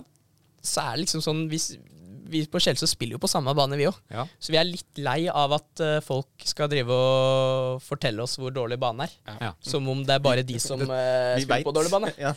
Dette veit dere. Ja, det er sånn Det har vi fått med Og dere har fordel siden dere spiller på dårlig bane, så er det sånn Ja, vi spiller jo på dårlig bane, vi òg, så det er ikke nødvendigvis sånn at det, det, det, det, Eivind egentlig er det en kjempeulempe for dere når dere kommer og spiller på gode baner, for dere er ikke vant til å trene på gode baner. Nei, det er, det er jo derfor kanskje vi har ikke tatt så mye poeng på bortebane. For vi kommer jo, og så tar vi på gresset. Ballen er det- spretter jo helt annerledes. Ja, sånn Nesten litt sånn skremt over at ballen spretter det, som vi vil at den skal sprette. Ja. Nei, for det sa vel Eivind til oss her tidligere i sommer, at han minner om nettopp det. At det, det går utover spillerutviklinga også til Kjelsås. Ja. At dere faktisk har så dårlig bane. da. Og går utover skader, og, og det jeg merker mest på, eh, er jo hvor lang tid det tok å restituere seg på den banen her. Ja. Mm. Fordi du spilte kanskje 90 minutter der og var helt ødelagt og kom deg ikke opp av senga dagen etterpå. Og så skal du liksom ut på Grefsen stadion og ha en restitusjonsøkt. ja, på samme sted, ja. Og så går du ut på betong der, og så blir du ikke akkurat restituert av å, å jogge rundt på asfalt med knotter. Men er det ikke tema å trene bort på Midjord? Er ikke den nyere? Den Jo, for det, det har jeg fått med meg, men det har ikke vært noe tema, tror jeg, nei. Nei, ok. Nei. Eh, det. jeg er litt for glad i Grefsen stadion, vet du. Ja, det er liksom hjemme, det. Det er hjemme. Apropos Jeg legger merke til at du sier vi. Ja. Hæ? Vi, sier Ja, det, det, og det har jeg gjort. Det, det er liksom vanskelig når vi snakker om eh, den kampen mot Stabæk. Altså mitt lag. Eh, I cupen. Ja. For da, skal jeg, da, da blir det noe kluss der. For da sier jeg vi på begge fronter. Ja. Så det, ja, for da leda vi 3-0. ja, og så skårte vi Nemlig. ett mål. Ja. Og så tapte vi, men så vant vi også. Det blir bare kaos. Nei, Kjelsås er eh, Kjelsås har en spesiell plass i hjertet mitt, så det, det går under vi lenge, det. altså. Ja, Ro, jeg skal hilse deg fra Eivind Kampen. Ja. Han sendte meg akkurat en, en, en melding. For jeg har snakka med han eh, om, om, altså om, om morgendagens kamp. Og da skulle jeg hilse så mye og si at det er klassemann i studio. Ja, ja. Ja. Det er bra. Det er klassemann. Ja. Du Spurte ikke om han hadde trengt altså, den, etter den matchen, altså den kampen mot morgen. Raufoss, da. Hvor, som du har vært. Skal vi kidnappe den og ta den opp på, på Grefsen i morgen? Vi har den her. Så Vi det har er, den nå. Det er jo da faktisk den siste matchen Kjelsås har vunnet i år der oppe. Etterpå er det bare godt. Her er det. Ja, det det. det har blitt ja, én ja, seier på de siste sju, og fire kamper på hjemmebane uten Ja. seier. Ja. Det Så det er selvfølgelig Rasmus Winge-effekten. liker å tro det, i hvert fall. Nei, det er nok eh, flere grunner til det. Jeg tror nok eh, Ja, Men det er jo ikke bare hjemme. De har bare én seier ja, Ja, ja, det hele tatt på disse, de sju kampene som ingen, som har blitt spilt eh, Ja, ingen siden. seier, ingen seier hjemme. Nei, ingen ingen seier hjemme. hjemme, men også bare én Én seier totalt. totalt. tror nok dessverre hovedgrunnen til det er at uh, vi har en cupkamp. Ja. Jeg tror nok det, Det er er dessverre, er da er det jo heldigvis. eh, Ja, men hvis du spør Eivind Kampen Ja, men Hvis det hadde vært fordi at du ikke var der, så hadde det vært mer eh, dessverre. Fordi deg får vi Ja, det er, jo, det er jo det er jo litt for så vidt sant. Ja. uh, men uh, Eivind Kampen, det husker jeg når vi holdt på Når jeg var med på cupeventyret før sommer òg. det å glede seg og tenke på cupkamp, det var uaktuelt. Ja. Det var serien som gjaldt, og så var liksom cupen det var bonus. Ja. Og eh, det var ingen som turte å snakke om noe cupkamp i garderoben. fordi hvis Eivind Kampen hørte det, da, da fikk du høre det. Det var som å tråkke på en edderkopp. Ja, nei, det, ja, Det det, var, eh, det har jeg for så vidt eh, heller aldri turt å gjøre. Nei. Men, men, men det er jo vanskelig å måte legge bort den tanken nå, i hvert fall nå. For spillerne, som du sier, det kan jo være en god grunn, for at de er en, man er én kamp unna å spille på Ullevål. Ja, jeg tror det nesten er umulig. Ja. Um, og jeg tror også Jeg har prøvd det selv. Jeg husker når vi på en måte har en kamp borte på et litt uh, kjedelig sted, og så er det lang reise, og så veit du at o, i midtuke, midtuka skal du liksom møte et Obos-lag i cupen. Men først må jeg liksom gjennom denne kampen her først. det er vanskelig å motivere seg like mye til den som en NM-kamp. Ja, og En ting er jo kanskje motivasjonen, en annen ting er den der, veldig sånn der tilstedeværelsen som man jo trenger i hver eneste kamp. Det at Ja. det liksom, Du er der både med kropp og sinn da, ikke sant? Ja. Ute på matta der. Og, det er litt sånn, Jeg tipper jo at når man er ute på banen og spiller, så går for du grunn til å tenke på at vi skal spille en cupkamp om noen dager. liksom. Men, men du tenker på det. Det går og surrer litt sånn langt bak i hodet Ja. helt fram til kampen begynner. på en måte, Og da er du litt sånn Åh, det blir så kult. Det Ja. blir så kult. Ja. Og så er det den kampen her. Ja, det er den her også, men ja, fy fader, det blir kult, altså. Så tror jeg det altså er litt sånn eh, For lag som Kjelsås, da, som jo ingen hadde forventa skulle være der, og spillerne selv hadde jo heller ikke forventa skulle være der. Og så er det jo sånn at når kommer Kjelsås igjen til å få muligheten til å spille en semifinale i cupen? Liksom? Sånn, fordi de andre lagene som er der, Vålerenga og, og Bodø-Glimt, i hvert fall, i hvert fall Bodø-Glimt og Molde, da, er jo der hele tiden. Så for de så er det liksom Ja, ja, nå er vi i semifinalecupen igjen, liksom. Men for, for Kjelsås så er det jo noe sånn Dette er jo once in a lifetime, kanskje. Ja. Da blir det jo enda vanskeligere liksom å, å legge det til side. Ja, ja. Og det, ja, for det er jo spillere som ikke har all, Det er jo ingen som har vært i en cupfinale liksom, noen gang. Og egentlig sikkert ikke eh, noen særlig som noen gang har tenkt tanken på at de skal spille en cupfinale noen gang heller. Og nå er det plutselig altså, Fotball er jo, som vi har Terje om Terje Kirsebom har vel tenkt tanken, tenker jeg. Han har han, Han har vel vært innom tanken, i hvert fall. Nei, jeg syns det, er- det, det er veldig morsomt. Og, eh, vi, før den Stabæk-kampen så, så syns jeg da, da så liksom eksempler på hva forskjellen er mellom å spille på Kjelsås og Eliteserien. For da jeg var, hadde jo fått meg nettopp jobb eh, på Jims lagerutsalg, heter det. Det er en sponsor av Kjelsås. Trengte litt penger der. Og så hadde jeg da fått eh, beskjed om at du skal jobbe på den dagen du skal spille kamp. Ja. Så da var jeg vel der i halv åtte-tida, tror jeg. Og da var jobben min den dagen å eh, lempe malingsspann, sånn tilitersspann, opp på hyller. Det gjorde jeg Jeg vet ikke hvor mange tonn jeg løfta den dagen der. Eh, frem til klokka tre. Så var det rett hjem, og så var det å sove en liten halvtime. Og så var det rett på kamp. Og eh, så var det jo andre, jeg tror det var, var det Sigurd da, som også hadde vært på jobb hele dagen og ikke rakk hjemom, så han måtte innom eh, miksen på, eh, på Kjelsås og kjøpe seg en pølse i lommen før kampen. og det er liksom Det er liksom gjengen da som går ut og slår, eh, slår Obos eliteserielag. Ja, ja. Ja, for Jens, snakket, Jens var jo her tidligere i sommer. Ja. Han om det. Han er jo snekker. Ja, ikke sant? Han hadde jo Og det, jeg var så tung i beina på oppvarminga her. Så jeg prøvde å snike meg unna løp jeg på oppvarminga, sånn at jeg hadde litt krefter til kampen. Fordel, fordelen, med, fordelen med å drive og løfte disse malingsspanna, det er jo at når du da kommer hjem klokka tre, eller hva du sa, så er det sikkert ikke Vanligvis vil jeg tenke at hvis du hadde på en måte gått hele dagen og venta på kampen, Ja. så blir det veldig sånn fokus på den kampen òg. Og, og så skal du liksom tenke nå må jeg slappe av en, en halvtime, time. Og så legger du deg nedpå, så er det ikke sjans å få sove. ikke sant? Eller slapp av, du bare jeg, jeg må komme meg på stadion, altså bare være der. Mens når du har løfta flere tonn med maling, så er det sikkert ikke noe vanskelig å duppe en halvtime, liksom. Nei, det var fryktelig lett. Ja, det var verre å stå opp, da. Ja, ja, ja det er det du problemet vel er. neste kamp mot Koffa tror jeg jobba da òg. den varte ikke så lenge, den jobben min da i Gimslagerutsalg. Men det varte nå litt. Og da husker jeg da kom jeg, fikk jeg lov å dra hjem litt før. Da var jeg hjemme klokka ett. Da tror jeg kampen var klokka seks. Og da skulle jeg sove i en halvtime da òg. Satte på klokka. Og så våkner jeg opp og er overraskende uthvilt. og liksom Oi, det var den beste halvtimen jeg har hatt eh, noen gang. Og så ser jeg på klokka, så er jo klokka Jeg har jo sovet i tre og en halv time. så på oppvarminga da, så Uff, jeg tror aldri jeg har drukket så mye koffein jeg, for å komme meg i gang. Jeg var helt i Jeg var helt ute av det. Du slipper litt før på onsdag, og da begynner kampen klokka fire. Ja. 16.00 avspark. Ja, Da på. jobber du ikke som snekker til halv fire, iallfall. Nei, da driver jeg og roter litt bort på Nadderud der først. Ja, hvor er du egentlig i morgen, når den kampen spilles? Onsdag? Nei, hvor jeg, når kampen spilles, Ja. da er jeg jo selvfølgelig på Grefsen. Ja, du er på å se Ja, på? ja, ja. Og nå har jeg jo lovt så mange at jeg skal møte opp i dress med dresskjorta som Kjelsås-drakta. Så eh, Sånn, ja. Drakta under, på en måte? Ja, ja, det blir jo den finskjorta, da. Ja, ja, ja, det er finskjorta.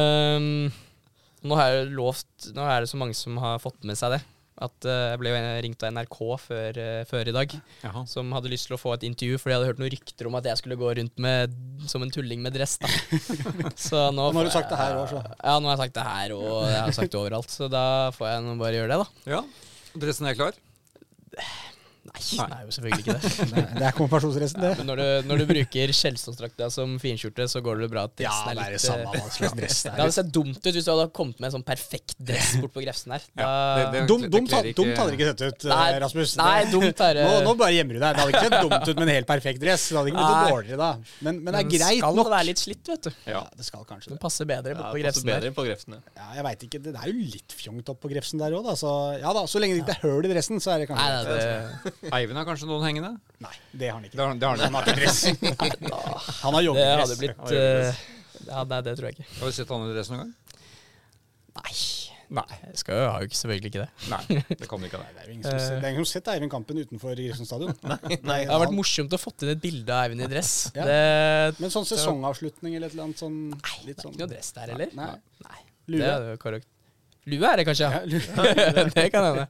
lue og joggebukse, det er vanlig. Det var jo litt det vi snakka om tidligere i dag. Som du snakka om, at uh, vi ser Eivind Kampen i, i hvilken som helst annen klubb i verden. Ja, så Det er jo treneren jeg aller helst har lyst til å se i en, altså hvilken som helst toppklubb i hele verden. Ja. Bare fordi at han er så herlig sånn pa- nedpå personlighet. At det hadde vært sånn, Se for meg Eivind Kampen som hovedsjef i, i Real Madrid. ikke sant? Gå rundt på Santiago Bernabeu i lua si og, og ta det helt lugnt. ikke sant? Ikke, lar seg ikke ase opp av en verdens ting. Det også er litt fascinerende med Eivind. Han er så ufattelig rolig, virker det som, på, på benken. Nesten aldri sett den fyres opp sånn skikkelig på verken dommere eller spillere sånn underveis i kamper. Nei, han eh, er ganske rolig på kamp. Eh, han er det. Og det er veldig uvanlig for lag som spiller liksom i nesten hele norske seriesystemet, men i hvert fall lenger ned. altså sånn andre divisjon, tredje, fjerde. For da, da har du så mye altså Det å rope ut beskjeder, det, det når fram på en måte. Det er ikke sånn at det er 10 000 på tribunen som overgår Nei. deg. Så du har alltid muligheten til å Jeg husker liksom, Jørgen Isnes var jo helt motsatt. Han var jo nærmest detaljstyrt jo spillere liksom, på hvor de skulle stå. Én meter opp og én meter inn og ut. ikke sant? Mens Eivind Kampen virker som han er akkurat som å se Drillo, på en måte. Vi har lagt en plan. Ja. Spillere vet hva de skal. Det er ikke noe vits for meg å stå her og, og mase, liksom. Altså, Du hører ikke, selv om det nesten ikke er folk på tribunen, så er du så fokusert i kampen. Ja. Og jeg ser jo liksom eh, Alle har jo sett Pep Guardiola i Premier League òg, som står med de der fingrene sine og roter og prater og prater. Og jeg kan ikke forstå at en eneste spiller utpå der hører noen ting. For Jeg husker jeg debuterte mot Viking, kom inn på, da var det 16 000 tilskuere. Og jeg hørte ikke hva han ved siden av meg sa. Altså, det, var, det var ikke sjans. Så etter hvert så begynte jo Viking å komme med sånne der lapper. da. Så det var sånn Så du går bakerste på corner. liksom. så Er det det som står på de lappene? Jeg har alltid tenkt Ja, at det er sånn det- veldig eh, intrikate greier som er vanskelig å skjønne. ikke sant? Noen kodeord og greier, men det står bare Du Jeg går tror det er ganske lette beskjeder. Ja, det det. Men uh, Nei, Eivind han, altså, han er en type som som du får Altså, du respekterer han uten at han har sagt noe. Ja. Uh, så han trenger ikke å stå og brøle og kjefte på spillere. Det er sånn, Han kan si noe på en helt rolig, vanlig måte, og så tar du det til deg. Mm. Um, og så har jeg absolutt hørt han uh, forbanna òg. Ja, for det må man jo liksom ja, ha i seg. Og han, hvis du spør han om uh, min bortetur eh, mot Brattevåg, da tror jeg han uh, får opp noen uh, minner. Hva hvis jeg spør deg om din bortetur til Nei, jeg har Brattevåg? prøvd og glemt det. Det var det verste jeg har vært med på. Spillemessig, liksom? Ja, alt. Da hadde jeg fått en litt sånn flying start på Kjelsås. Eh, fått noen målpoeng og skåret litt mål og vært god og var fast i laget og sånn. Og så, det var vel kamp nummer fem, tror jeg. Ja. Så reiser vi opp der, og så presterer jeg å komme for seint på alle oppmøter. Hele turen. Jeg kom for seint til flyplassen, jeg kom for seint til middager, til frokoster, til lagmøter. Og så topper jeg jo det hele med å spille en verdens verste fotballkamp. Altså, jeg, jeg var så dårlig.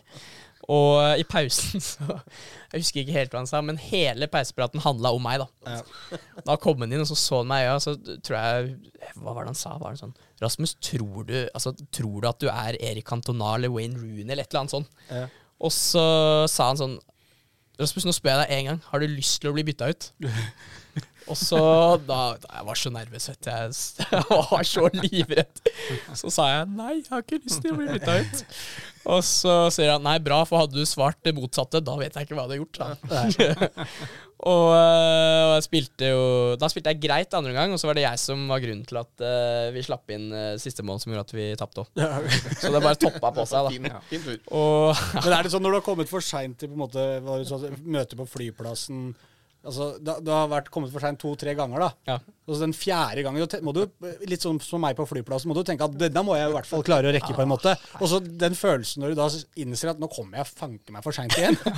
da er jo, den er tung, altså. Ja, det, det, jeg vet ikke hva som skjedde på den turen. her. Det var helt sinnssykt. Det høres ut som en sånn fyr. da, Du setter jo på vekkerklokka en halvtime og våkner etter tre og en halv. Ja, men eh, jeg jo, kan jo være litt surrete, men akkurat der var det bare gikk galt.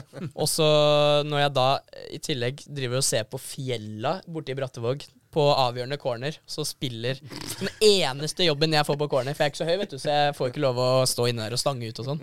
Så jeg skal stå på 16-meter og sørge for at ballen ikke blir spilt langs bakken ved siden av meg. Og da husker jeg var jeg litt sånn fascinert over de der fjella. var, det er jo mye, mye bra fjell. Ålesund, Veldig bra. veldig bra mye. Veldig bra skikkelig fin natur. Og var så sliten, og så så jeg på, så liksom tenkte jeg Jeg husker ikke helt hva jeg tenkte meg, sånn her, hvor høyt er det fjellet? Og, så hører jeg bare sånn Rasmus, og så hører jeg bare Sht! Og da går ballen bare forbi kanskje fem ja, I hvert fall ikke noe mer enn en halvmeter ved siden av beinet mitt, langs bakken. Og så scorer de på den. og da handla praten dagen etter kamp handla om meg. Eh, der han poengterte at uh, når du kommer for sent til alle oppmøter, så er det ikke så rart at du er ræva på banen heller. uh, Det, er, det var jo sånn sett på en måte en litt sånn hyggelig ting å gjøre av deg, på en måte da, for å gi Eivind Kampen på en måte et poeng overfor alle de andre Ja. spillerne. Se, Ja, ja, se her, gutter, hvordan det går når ikke dere møter opp. Da blir det katastrofematch Ja, og, og han fikk et poeng ut av det og tok meg ganske hardt der. Også etter det møtet, før vi gikk ut på veltet, så sa han Rasmus, bli med meg. Eh, og da tenkte jeg sånn, ja, nå veit han at han har dratt for langt. Da var jeg litt sur og lei meg, vet du. Og nå skal han si unnskyld. og så var det én til én. Fortsatte bare. Fortsatte å fortelle meg hvor dårlig det var, og, og, eh, og at jeg kan, ikke kan holde på sånn. Men jeg trengte nå, da. For uh, han sa jo også at liksom, jeg veit at du er en spiller som tåler det. Uh, og, og jeg sier bare det her fordi at jeg veit at du kan bli veldig, veldig god. Men da var du på kanten òg. Altså, da, selv om han sier 'jeg veit at du tåler det', men da var ikke, du hadde ikke orka så mye mer da. Nei, hadde han eh, tatt enda et møte der, så vet jeg ikke hva han hadde gjort. Altså. Så det har liksom vært inngangen til altså, kampprat liksom, til neste match òg. Da begynner det Ikke nå, for guds skyld, gjør som Rasmus, gjør som. Rasmus nå, så går det her fint. Jeg husker jeg var, var forbanna da, men når jeg ser tilbake på det, at det går an å holde på sånn. da. Hatt fire helt OK kamper i Kjelsås, og så tror du at du ikke kan, trenger å møte opp på ting, liksom. Nei, ja. Jeg tror jeg trengte den. Men det er jo- eh, trengte å bli sånn, slått ned i bakken. Det er som jeg har hørt en eller annen gang, at eh, de som er mest farlige i trafikken, det er jo eh, unge menn som har hatt lappen i eh, omtrent et år. Ja. Ikke, ikke unge menn som akkurat har fått lappen. For de er ganske forsiktige i trafikken. Og det er liksom når du debuterer på et lag og er ganske fersk, så er det sånn Ok, her må jeg liksom komme tidsnok, gjøre det jeg skal. Mm. Og sånne ting. Men så har du hatt liksom noen gode matcher. da. Du har kjørt bil et år Mm. og føler at dette dette mestrer jeg jo greit. Her er det bare å pløye på 30 over fartsgrensa, og så er du rett i grøfta. Ja. Og det er litt sånn, nesten litt sånn, da. At jeg du bare føler- blei ja. litt sånn Jeg har for mye selvtillit nå, rett og slett. Ja. Det er bra med selvtillit, da. Selvtillit er bra, men uh, det går an å vise ut på banen. Du trenger ikke å vise dere utafor banen. På, Ja, det- Heldigvis nå i Eliteserien så er det jo mye svære arenaer, Ja. så du ser Ja. ikke så mye fjell og Det er liksom mye Nei, men- fotballfokus rundt deg. Jeg tok meg selv første kamp der, etter at jeg på en måte hadde gjort en bra involvering. da Så hadde jeg litt lyst til å gå, se på storskjermen og se på involveringen min i reprise. Men det har jeg heldigvis stoppa med. da Storskjermen kan være forstyrrende, ja. Ja. Det er mye å se på TV. Ja, men Det er noe herlig gutteaktig over hele deg som eh, fotballspiller. Du er jo liksom som en, en ti år gammel gutt som hadde satt inn på en eliteseriekamp og bare Wow, dette er Ja, kult, altså! Hvordan så det ut? Og etter den assisten nå, nå også var det sånn Ikke se på storskjermen, ikke se på storskjermen. Og så så jeg opp, og så ser jeg det, og så sånn fy faen, Rasmus, det var bra assist, ass! ja. Det er enklere sånn i, i ishockey ofte. Da kan du sant, gå og sette deg på benken. ja. Og da kan du sitte og se på Problemet er at du følger med på den kampen på storskjermen eh, mens du spiller den. Ja. Det blir vanskelig. Men gøy, da. Ja. Jeg har faktisk, det med solskjerm, jeg har brukt det litt på kamp òg. For å se hvordan jeg ligger an i ramma. Ja. For at Ja. da, på solskjerm så får du en del sånne Ja, eh, ja, ja. ovenifra-bilder. Mm. Ja. Og da er det, fakt det har jeg faktisk brukt litt. Hvis ballen er på andre sida, så ser jeg på den skjermen hvor er det jeg burde ligge nå. Ja, ja. Og da er det ikke sånn at jeg står og stirrer, selvfølgelig, men eh, da liksom Det kan gi litt. Og den storskjermen på Nadderud, den er vel rett bak Den er jo målet, er det ikke det? Sånn jo. du ser rett på, egentlig? Ja, ja, så det, du går inn og bruker den. Det er litt det er sånn ikke sånn du må eh, kikke opp, mener jeg. Du nei. ser egentlig rett Ja, du på. ser rett på den. Hvordan er eh, forskjellen på eh, Bob Bradley og Eivind Kampen, da? Jeg syns de er overraskende like, faktisk. Ok. Eh, jeg tenkte litt på det for litt eh, før her en dag òg, at de har veldig, veldig like verdier eh, og tanker rundt fotball. Eh, bare at de gjør det jo selvfølgelig på litt forskjellige måter, og, og de legger opp treningen litt forskjellig og sånn, men den tanken om å være på en måte veldig, veldig gode defensivt, uh, lage en slags ramme bak, og så tørre å prøve offensivt, det tror jeg begge to setter veldig høyt. Mm. Så, og det er som jeg sa litt før her òg, at de tilbakemeldingene som jeg har fått fra Bob Bradley, det er nesten så Altså, jeg har hørt det før. Ja. Eivind Kappen har sagt akkurat samme. Er det det du sier til Bob, da? Du bare sier Ro deg ned litt, ja. Dette Ja. har jeg hørt. Nei, ja, da later jeg som jeg aldri har hørt det før. Ja, Å ja. ja! For hvis jeg sier at jeg har hørt det før, da Ja. sier han jo sikkert ja. Ja, men da du Hvorfor har du ikke gjort noe med det? Ja, det er sant. Nei, men eh, Nei, de er overraskende like. Eh, litt hardere treninger på Stabæk, da. Det skal sies. Ja. Jeg har liksom hørt så mange folk snakke om at Bob Bradley det er, en måte liksom, er den skumleste treneren i, i ligaen. liksom, At han er så du, du blir redd for han selv om han ikke gjør deg redd. Han, gjør- Ingenting han gjør aktivt for å skremme deg, men allikevel så er du litt redd for han. Ja, han er, han er han, Jeg skjønner absolutt hva folk uh, mener der. Ja. Uh, men han er, veldig, han er så direkte at gjør du noe bra, så får du skryt for at du gjør det bra. Gjør du noe dårlig, da skjuler han ikke at du har gjort noe dårlig. Eh, og det er jo egentlig akkurat som Eivind Kampen også holder på. Han sier det som det er, og, og jeg tror i hvert fall for min del at det å tolerere å få litt pepper og få tilbakemeldinger og konstruktive tilbakemeldinger er veldig lett når du veit at du får skryt hvis du gjør noe bra òg. Hvis det bare blir fokus på liksom feilpasningene dine eller ting du skulle ha gjort annerledes, og så ikke noe fokus på de tingene du gjør bra, så husker du jo bare de dårlige tingene du har gjort. Og det, da mister du selvtillit. Det er sånn Noen ganger jeg har sett på det der, eh, hva heter det bryteprogrammet på NRK, Hodet i klemme. Ja, Hodet hode. klemme, ja. ja. ja. Der også har jeg noen ganger tenkt på det at det er veldig mye Der er det, føles det som det er veldig mye bare kritikk. Det får bare høre det når det er dårlig. Det er altfor dårlig. Det er for dårlig. Det er for, Ja, Nå tar jeg sammen. det er for dårlig. eh, Fritz Fritz kjører på, ikke sant? Ja, Det er for dårlig. Og så må de, de som er bryterne, må liksom gå til hverandre og klappe hverandre på skuldra og si sånn det var, det var ikke så gærent, på en måte. Det var ganske bra, dette her. Så jeg har tenkt på det en gang at det må vel være en verdi å få høre at noe er bra innimellom òg. Ja, det tror jeg er mange trenere som uh, burde innse. Ja. Eh, at eh, altså fotball, det handler 80-90% om selvtillit, altså. Du, du kan være så god du vil i fotball, men hvis du ikke har troa på at du får det til, så får du ikke til heller. Og da mener jeg at ja, det er jo din egen jobb å få den selvtilliten, men trenerne har en stor rolle i måte det å kunne gi spillerne selvtillit. Mm. Fordi at hvis treneren gir deg skryt, så, eh, så tar du det.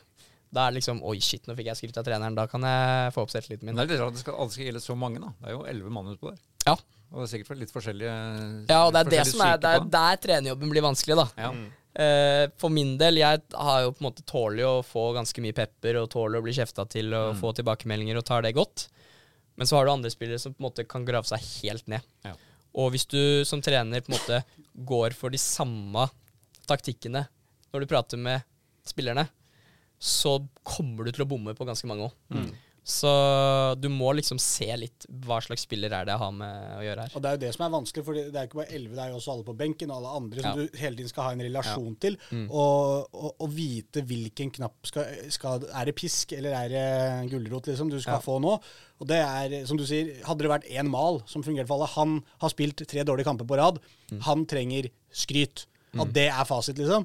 Eh, han trenger ikke skryt, men han trenger å bli liksom peppa litt opp. Ja. Eh, så kan man jo bare gjøre det med alle. Men som du sier, noen ganger så var det fint for deg å få litt kjeft, mens andre Ja. ganger så trenger du den der Og så er det du trenger det etter at du har hatt sånne prestasjoner, mens han trenger etter sånne prestasjoner. Og det tror jeg ofte noen glemmer litt når man snakker om sånn kontinuitet og dette her også, med la lag som du har det samme mannskapet over flere sesonger, kontra å måtte bytte ut mange. Fordi det er ikke bare fotballferdighetene som kanskje er annerledes på den som kommer inn, det er helt andre mennesker som kommer inn også. Ja, ja. Og det har jo mange blitt litt mer bevisste på, som de snakker om. Når man henter spillere nå, så er jo alle veldig opptatt av at det skal være spillere som passer inn i spillergruppa, som ikke var noe folk egentlig prata om. Det er ikke så mange år sia. Jeg føler folk begynte å prate om det, at det var liksom et veldig viktig poeng. At sånn, vi må få dem opp på stadion, vise dem rundt, la dem hilse på litt folk. Og så bli kjent med dem som personer. Det, før så var det sånn Han er god høyreving, han spiller her, på en måte. Og så bare, så bare former vi han til å bli en del av gruppa, istedenfor at på en måte vi henter en som faktisk har de naturlige menneskelige kvalitetene. da, som passer Men Bradley er flink til å snakke med folk, har jeg skjønt. Han eh, er glad i å prate. han eh, elsker å prate. Ja. Uh, og han har jo Så han kjenner veldig mange utafor klubben òg.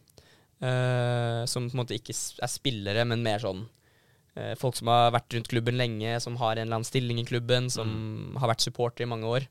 Og jeg føler det har gjort at vi som spillergruppe har kommet nærmere fansen og Mm. generelt hele klubben. da. Så han har nesten blitt et litt sånn bindeledd. bindeledd. Ehm, fordi jeg har jo ikke peiling hvem så veldig mange rundt klubben er. Uh, og det har jo ikke så mange spillere som har heller. Så, men eh, Bob Bradley han, eh, han kjenner igjen hver eneste. Han har jo nesten kallenavn på alle sammen. Også. Ja, ok. Men tilbake til Kjelsås. Hvem er det Kjelsås vil ha i cupfinalen? Vålerenga. Ja, Det er ikke noe tvil. Men det er ikke så viktig hvem det blir, så lenge det Nei. blir. Nei. Kanskje ikke. Kjelsås-Vålerenga i finalen hadde vært uh... Det hadde vært helt uh, sinnssykt. Da må du spille. Da, da må du låne. Da er helt Ja. Må bare, da tror jeg jeg må allerede starte med å manne meg på den samtalen med Bob. Og spørre om å få lov til å eh, spille den kampen. Hvis ikke så må du stå i svingen, da. Og Ja. rope. Ja, ja, ja. Må, jeg kan bidra på en eller annen det blir måte dress uansett. igjen. Ja, ja. To eh, må jeg få rensa den og sånn. Det er jo Ja, det går såpass vilt for seg, tror du, på den i morgen. Nei, jeg håper ikke det. Det er mange lyttere her som er, som er Vålerenga-supporter. Hva, hva, altså, du har vært innom og trent, sa du? Så, så vidt? Ja, eh, Når- når var det? Jeg har spilt en turnering Ja. eh, på Nadderud, faktisk. Okay. For Vålerenga. Da spilte jeg jo sammen med kjente navn som eh, Markus Melkjord og eh, Oppegård og Osame var jo der også. Ja. Vi gikk jo klasse sammen, jeg og Osame. Jeg liker at du på en måte tar det i den kjente spillere som Og så begynner vi med Markus Melkur og avslutter med Ja, ja, men, for meg, da, så er det jo Ikke sant? I trikkeligaverden så er Ja, ja, ja. Markus Melkur er jo stor. Ja, ja. Ja, han er jo stor i trikkeligaverden, han da. Han er jo det. Ja, ja, Jeg forstår ikke var- da. han, var- til og med gjest her før deg. så- Ja, ja, ja. ja. Nei, jeg Du har sett opp til han fram til nå, du. Ja. Er Men nå er dere likeverdige. ja, nå er vi likeverdige. Jeg kjenner han godt òg, så eh, jeg har prata litt om det. Så um, Nei, det, det var vel Da var jeg vel eh, 14 år, kanskje. Ja, ok. Eh, spilte vel ganske dårlig, hvis jeg ikke husker feil.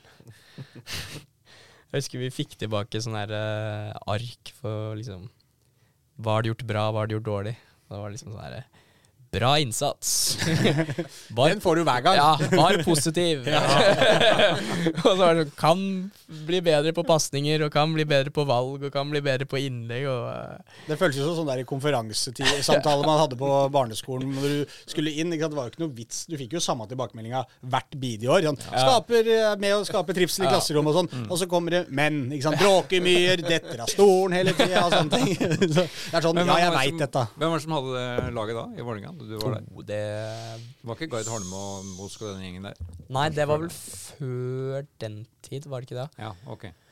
Uh, nei, jeg husker ikke helt. Nei, du husker ikke. Nei, jeg husker ikke. Men det ble ikke noe mer Vålerenga. Og hvordan er forholdet til den klubben nå? Nei, altså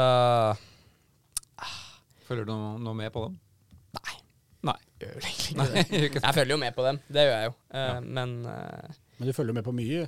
Jeg følger med på mye rart. Ja. Jeg gjør det. Men jeg har ikke noe sånn spesielt forhold til Vålerenga. Jeg har jo, All familien min er fra Trøndelag, så jeg har jo blitt oppvokst i Rosenborg-style. Ikke blink. Hæ? Ikke blink eller Ranheim, altså. Det er jo litt Ranheim, faktisk. Ja. Jeg har en del familie i Ranheim òg, Ja. så de har jeg fulgt litt med på. Men uh, jeg har vært uh, mye på Rosenborg-kamper og Betyr det at etternavnet Eggen har noe med Trøndelag å gjøre? Ja, ja, ja. Og Ja. Vinge òg. Eh, All familien min er fra Trøndelag. Ok. Så um, Nei, jeg har vært og sett på mye Rosenborg-kamper. Jeg har trent med Rosenborg i fire år, faktisk. Ja. På, I alle ferier. I det er ferier, ja. Så, ja. ja.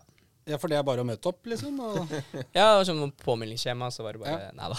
Jeg var på, var på Rosenborg fotballskole. Det var morfar som sponsa meg med Rosenborg fotballskoledeltakelse, og så var jeg ganske god der. Og da, da fikk jeg lov å trene med kretslaget til uh, Trøndelag. Men det er ikke noe kobling til Eggen-Eggen, liksom?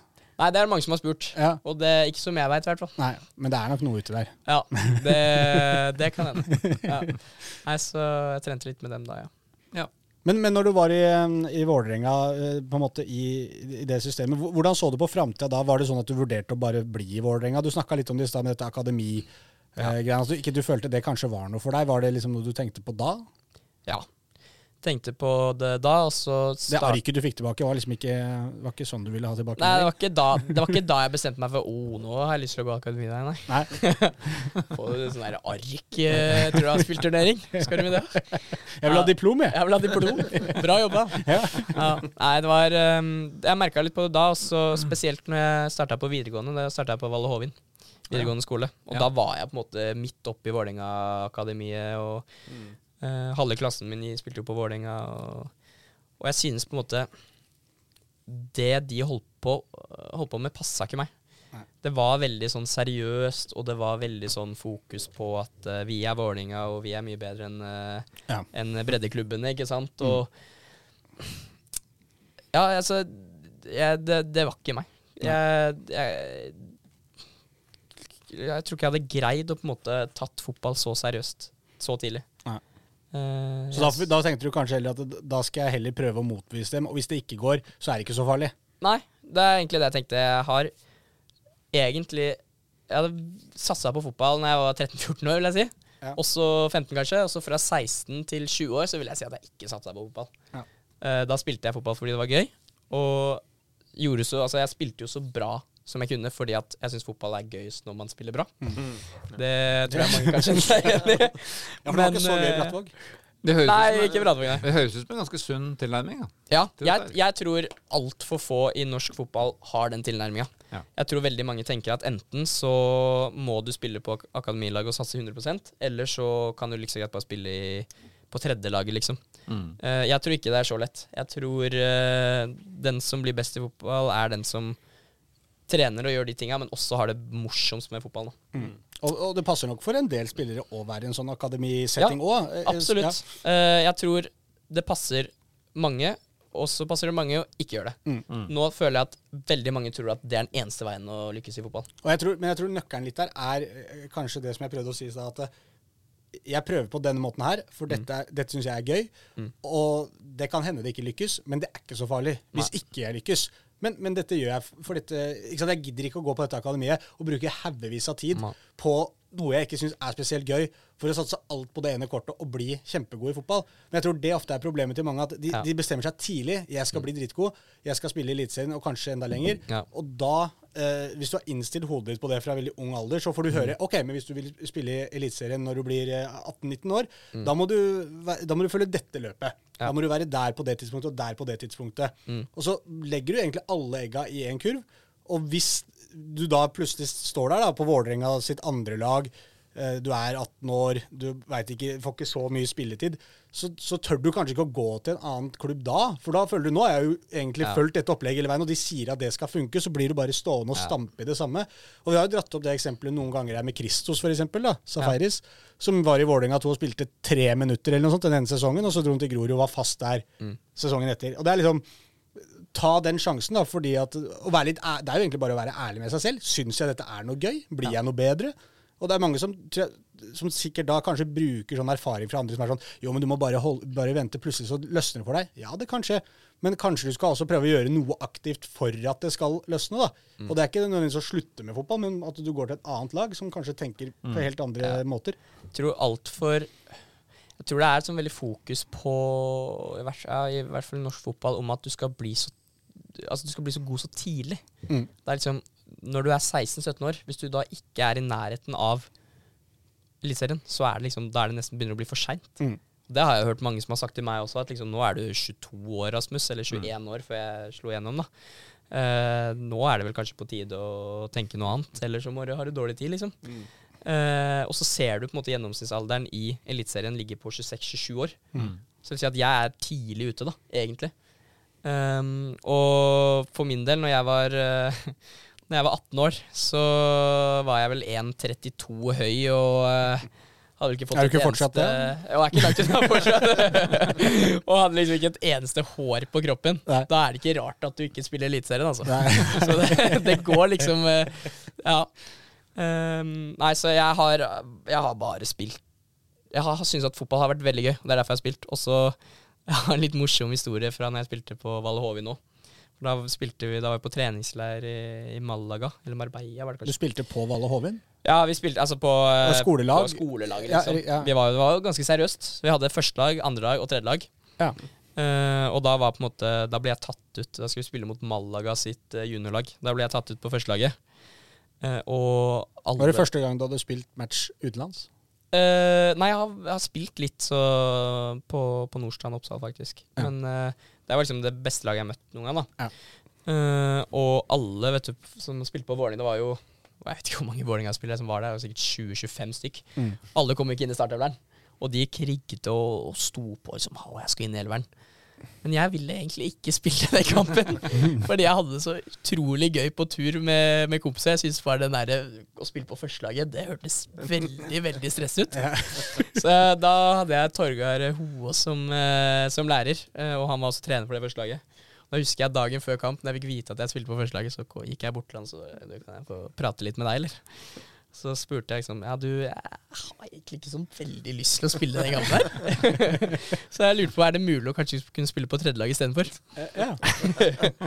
Fordi eh, jeg hadde egentlig Du ville ikke inn der og ødelegge den der Nei. kampen på noe vis, liksom? Og Nei, at det ble dårlig også- stemning? Og det, Det var bare spillere som spilte. Altså, hadde liksom hatt innhopp i Eliteserien. Liksom, det var meg på venstrekant, så var det Osame på høyrekant, og Christensen, og så var det jo Ja. Eh, Kristos var jo der, Magnus Knutsen på midtbanen, og så meg på Nordstrand G19. Og Liksom, det passa ikke helt, syns jeg, da. um, og så spurte jeg jo han, da, og så sa jo han bare Hva er det du spør om? Selvfølgelig skal du spille den kampen her, Rasmus. Eh, og syntes at det var det dummeste spørsmålet. Så ringte jeg mamma og var litt lei meg da, fordi at uh, oh, jeg grua meg så mye. Jeg har ikke lyst til å spille den kampen her. Og jeg er bare, jeg er jo, på, jeg er jo Syden, jeg er på ferie.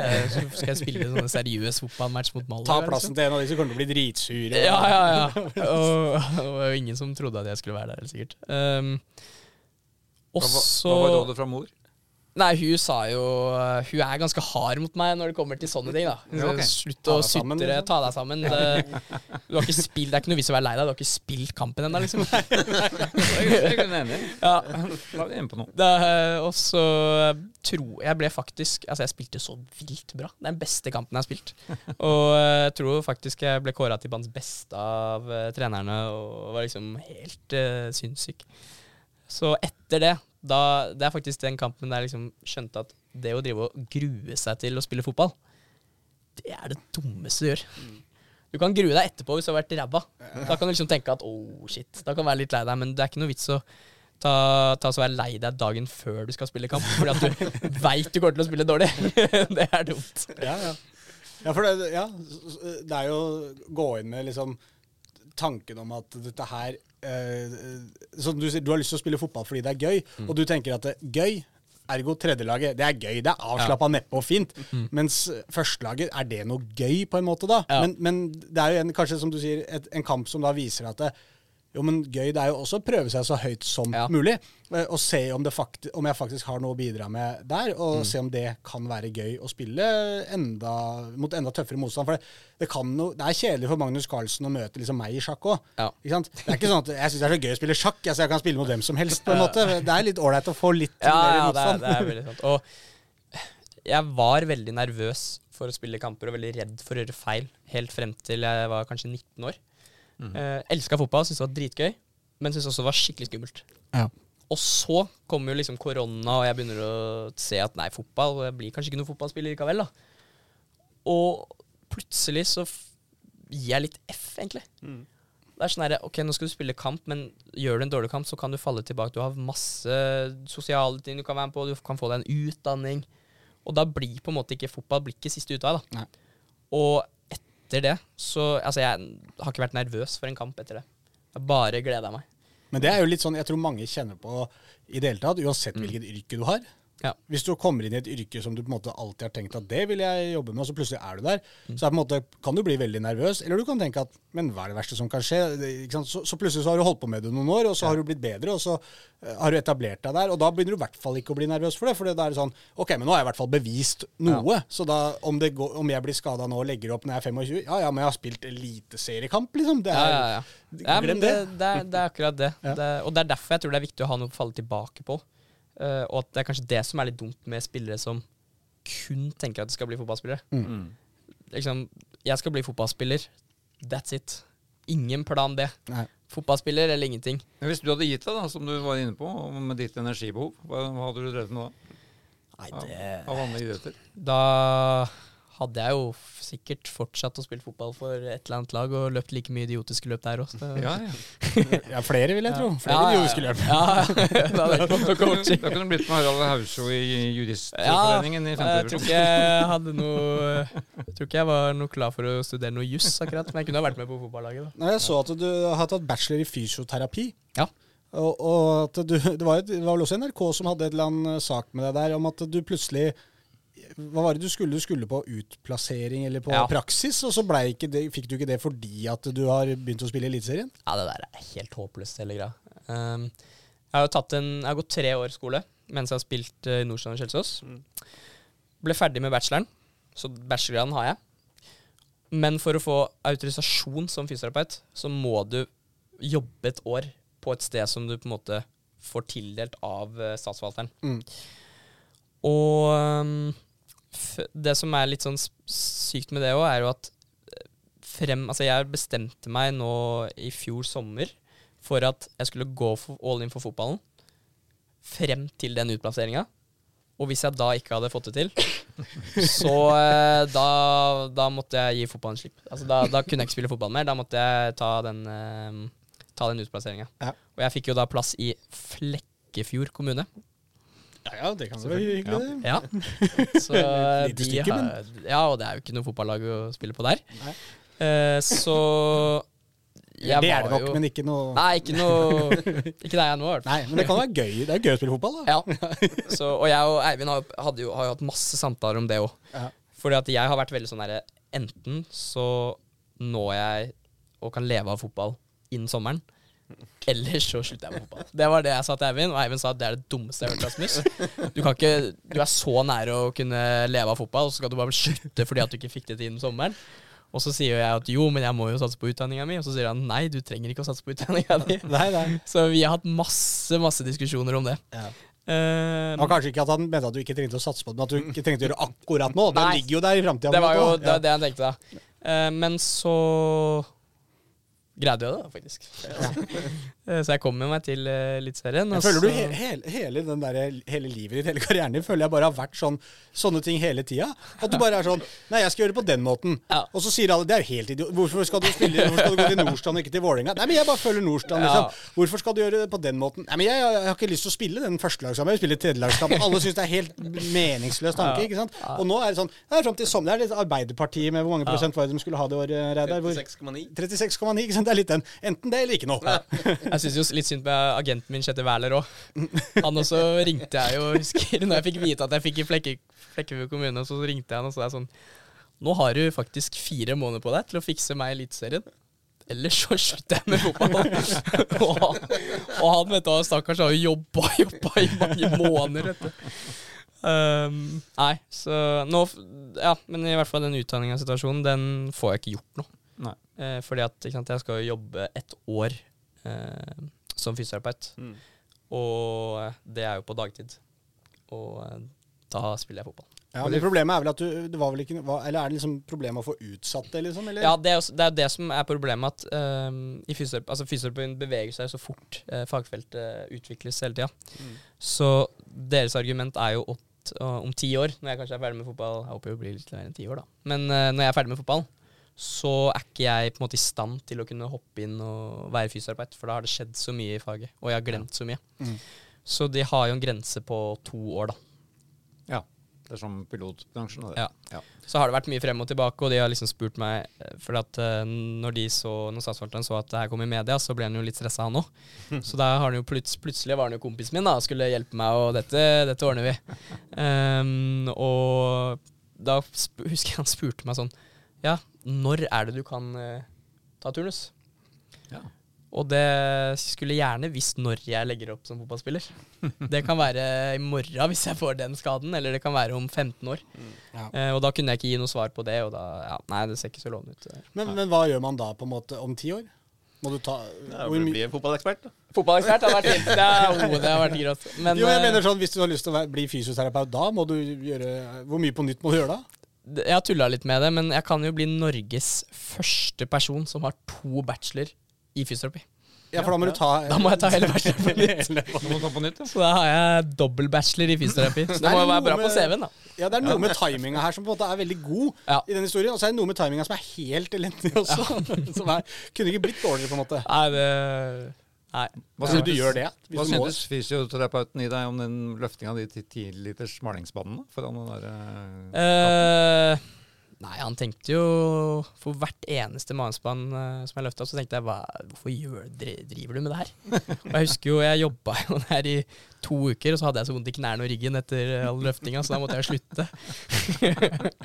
Sleit jo med det en sikker en periode etterpå. Det høres jo ut som, det, det høres jo litt ut som sånn Raymond Kvisvik-type spiller, liksom. Det er sånn, Som også bare spiller for å ha det gøy. Som, han som, som fortalte etter at han hadde spilt en, en sinnssyk kamp, var vel for Fredrikstad, kanskje det, hvor han hadde, fikk spørsmål hva er du, liksom, hvordan varma du opp til kampen. Hva har du gjort i dag? liksom? Det var helt fantastisk.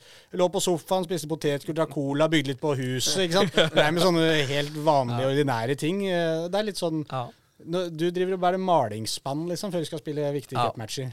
Nei, jeg, jeg, er, altså jeg er veldig, veldig seriøs og på en måte gjør riktige detaljer og på en måte trener så hardt jeg kan og alt det greiene der, men på enkelte ting så er jeg litt sånn Det går an å leve et normalt liv selv om man uh, spiller fotball òg. Ja. Må ikke liksom Ja, det er i hvert fall, det virker som det er premisset ditt for å drive med fotball. Ja. Det er at jeg må kunne Jeg tror at hvis jeg skulle ha vært 100% dødsseriøs og liksom kun spise sunne ting og kun gjøre alt 100% så tror jeg jeg hadde gått litt lei. Mm. Så sier jeg jo ikke at jeg går rundt og bare spiser usunt, men uh, ja, jeg må finne, man må finne balanse der òg. Ja. Husker jo i fjor, da mente Eivind Kampen at jeg var litt useriøs. Det var litt mye brus, og det var litt mye uh, ja, at jeg møtte opp for seint, og at jeg var litt useriøs i fotball, eh, rett og slett. da. Og da hadde han flere møter med meg eh, om det, og så til slutt så valgte han eh, at jeg skulle få meg en fadder. og det ble da Ola Bjørland. Ja, det er fadder. det er fadder. Så jeg og Ola vi har delt uh, rom på alle borteturer siden da. Og Og han sier at dette har vært en helt umulig oppgave. og at uh, det nesten har, at det har gått utover hans prestasjoner òg, for at han har hatt så mye å passe på. Men uh, jeg har skjerpa meg. Nå er jeg veldig, nå er jeg veldig god på det. Altså. er i din målestokk, da. I min målestokk. Ja, ja, ja. ja. Gøy. Jeg vet, tida flyr, gutter. Ja, ja, Vi må må, prate. jeg, jeg må ut på et transportoppdrag. jeg. Du må på hva for noe? Et transportoppdrag. Jeg er Trans- låst klokka fem. Men eh, det, det går fint. Og du skal på hockeymatch. Jeg skal på hockeymatch, Ja, men vi, får, eh, vi må gå gjennom litt av det som har skjedd òg. Men hvis du må dra, så drar Jeg, du jeg må bare. bare dra, for at jeg fikk jo ikke sett noe. Nei, du har ikke sett noe, nei. Men det høres ut som dere har sett noe.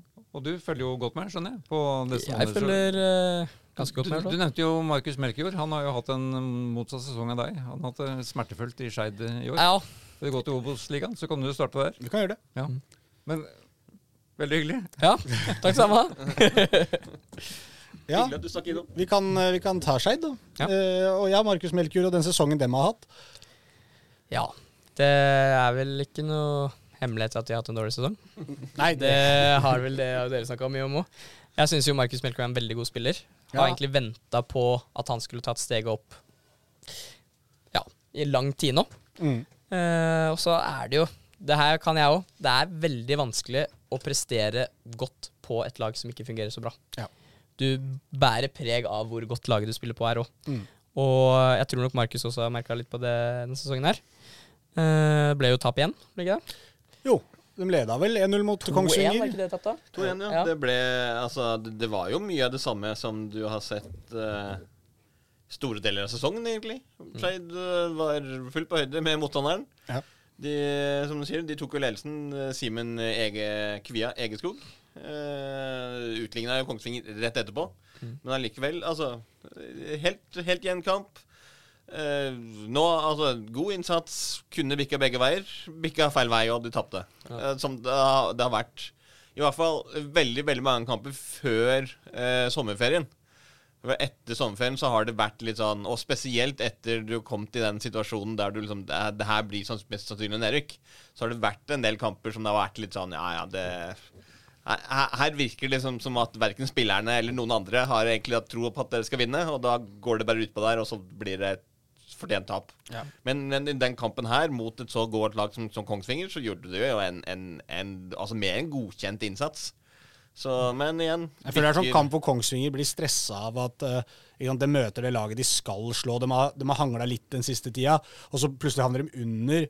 Og så greit, så får de 1-1 ganske kjapt, men så må de liksom vente til andre omgangen, selv om de vel kom tidlig i andre omgangen. Den, uh, Ja, ti minutter eh, til andre. Ja, men sant, så står matchen hele tida med det ene målet, da. Jeg tror ikke det var noe sånn Uten at jeg så den matchen, så føltes det som en typisk kamp, i hvert fall som hjemmesupporter der eh, med Kongsvinger. Ja, de spilte vel på Nordre Åsen, men altså som Kongsvinger-supporter. Så, så sitter du og tenker Nei, typisk at vi skal røre bort poeng her nå mot Skeid, som har bare tapt mot alle. Men de, de slår jo Skeid, som du sier, folk på akkurat samme måte som alle de andre gjør Og Skeid får jo liksom ikke ordentlig deng i noen matcher. De er liksom med resultatmessig stort sett hele tida, men de, det blir jo ikke, kommer liksom aldri helt opp, da. Så vi trenger kanskje ikke å ta så mye mer i Skeid, for dem har vi liksom egentlig gjort oss litt ferdig med. Vi skal følge med inn i solnedgangen, var vel det Reidar sa? Unggutten fra Stabæk fikk Skeid-debuten sin, står det. Hvem da? Nikolai Årsbog, Ja. Unggutten fra Stabæk. Ja. Ja, Han fikk Skeid-debuten sin. Hvis du vil, Pål, så kan du sette deg der, så kanskje det blir hyggeligere. Sånn at vi ikke sitter på rekke. Hvis du har lyst til å blir, flytte. ja, vil, blir det hyggeligere? Ja, vi får jo nakkeskikk der. der ja, ja, ja. ja, men jeg kan jo kan flytte meg, jo. Jeg skal bare så, eh, kjapt bare skru av mikrofonen som er uh, den vi ikke bruker. Dere, kan ikke du si et eller annet, uh, Rasmus? Hello. Hello. Og så, Pål, si noe inn i den. Skal vi se. Sånn. Nå er vi på Reidar Solli som plass. Ja, Og Rasmus, si noe igjen nå, du. Hallo. Ja, der tror jeg alle er på. Flott. Ja, hyggelig, hyggelig. Skal vi eh, ta og gå videre fra Skeid til eh, Koffa, da, så holder vi oss i divisjonen. For der er det jo morsommere. Eh, de møtte Mjøndalen i Vi kan ta med Hvem er det Skeid har i neste Har du det, Pål? Nei. Skal vi se. Men det skal Finner vi det fort der. De skal møte Mjøndalen, de, faktisk, i neste. Borte. Og Mjøndalen var på besøk på Ekeberg denne runden. Så du den, Pål? Eh, nei, Var det på lørdag? det var på lørdag. Da- Men Da var eh, vi opptatt, Rasmus. Ja, nei, så den ikke jeg, men det ble jo, ble jo seier, da. Det ble seier igjen. Seier og det, De er jo helt motsatte av Skeid, egentlig. da. De finner jo en vei Ja. til å vinne kamper eh, hele tida. Her var det Remi André Svindland som uh, skåra matchens eneste mål. Og da er de jo på eh, direkte opprykk. mm. Igjen er uh, ett poeng foran Kongsvinger. Men det er mange med i miksen her. da. Jeg, jeg, må, men jeg må jo si at det ser jo lysere og lysere ut egentlig for KFM. For Kongsvinger ser ikke kjempebra ut. Start ser ustabil ut. Koffa er jo altså sånn som vi har snakka om tidligere, stryk hvis du ikke vet hvilke, eh, hvilke disse klubbene er, på en måte, og hva de heter og historiene som ligger der, så er, vil jo alle sagt at KFM er store favoritter til å ta andreplassen. Men det er noe med at det er KFM som gjør at jeg tror folk tenker ja, men det skal vel være Start eller Kongsvinger som til slutt tar det, Ja. på en måte. Men, men her er det virkelig game on. Det kommer til å bli dritkult med Koffa framover. Du kjenner jo litt til Koffa, gjør ikke det, Rasmus? Jo, uh, har trent med dem òg. Ja. kjempebra lag, uh, syns jeg. Spiller kul fotball. Spiller kul fotball. Vinner mye kamper. Ikke mot uh, Chelsea, selvfølgelig, men uh, Nei, ellers er så vinner de mye kamper. Ja. uh, nei, det er en del unge spillere som spiller der også, Mm. som jeg har en del kjennskap til. Det kommer Sverre fra Nordstrand, som Mm. jeg kjenner godt. Obi, som kommer fra Fredrikstad, som har vært i alle klubber i Norge omtrent. Som virkelig har uh, blomstra der. Mo spiller også der. Ble vel banens beste, tror jeg, kåra til. Nå? Uh, Midtstopperne. Så nei, det er et, uh, et morsomt lag å se på, syns jeg. Eh, det er jo egentlig det som har vært Koffa i lang tid. Mm. Uh, mye bra spill, bra angrep, bra, bra offensiv fotball. Så Den, men den, liksom, hvordan ser du på det der som har skjedd der? Vi snakka om alle disse spillerne som har forsvunnet der. Og det at de bare Nå har jo vi sittet i det studioet her i flere sesonger og tenkt det blir vel tøft kanskje for Koffa å være der i år igjen. Mm. Vi har vel tippa dem stort sett på en kvalikplass, opprykkskvalikplass, men, men på en måte det er forutsatt at liksom alt går vår vei, føler vi, hele tida. At eh, de samme spillere som var gode i fjor, som fortsatt er med, leverer det samme. At de som kommer Mm. opp, tar de samme stega som de som kom opp året før. Men så bare fortsetter de å gjøre det. Jeg vet liksom ikke hvordan, Hva er hemmeligheten i Koffa? jeg tror uh, hemmeligheten er jo at uh, de spillerne som kommer inn, som på en måte skal erstatte de spillerne som går ut, uh, de treffer Koffa veldig godt på.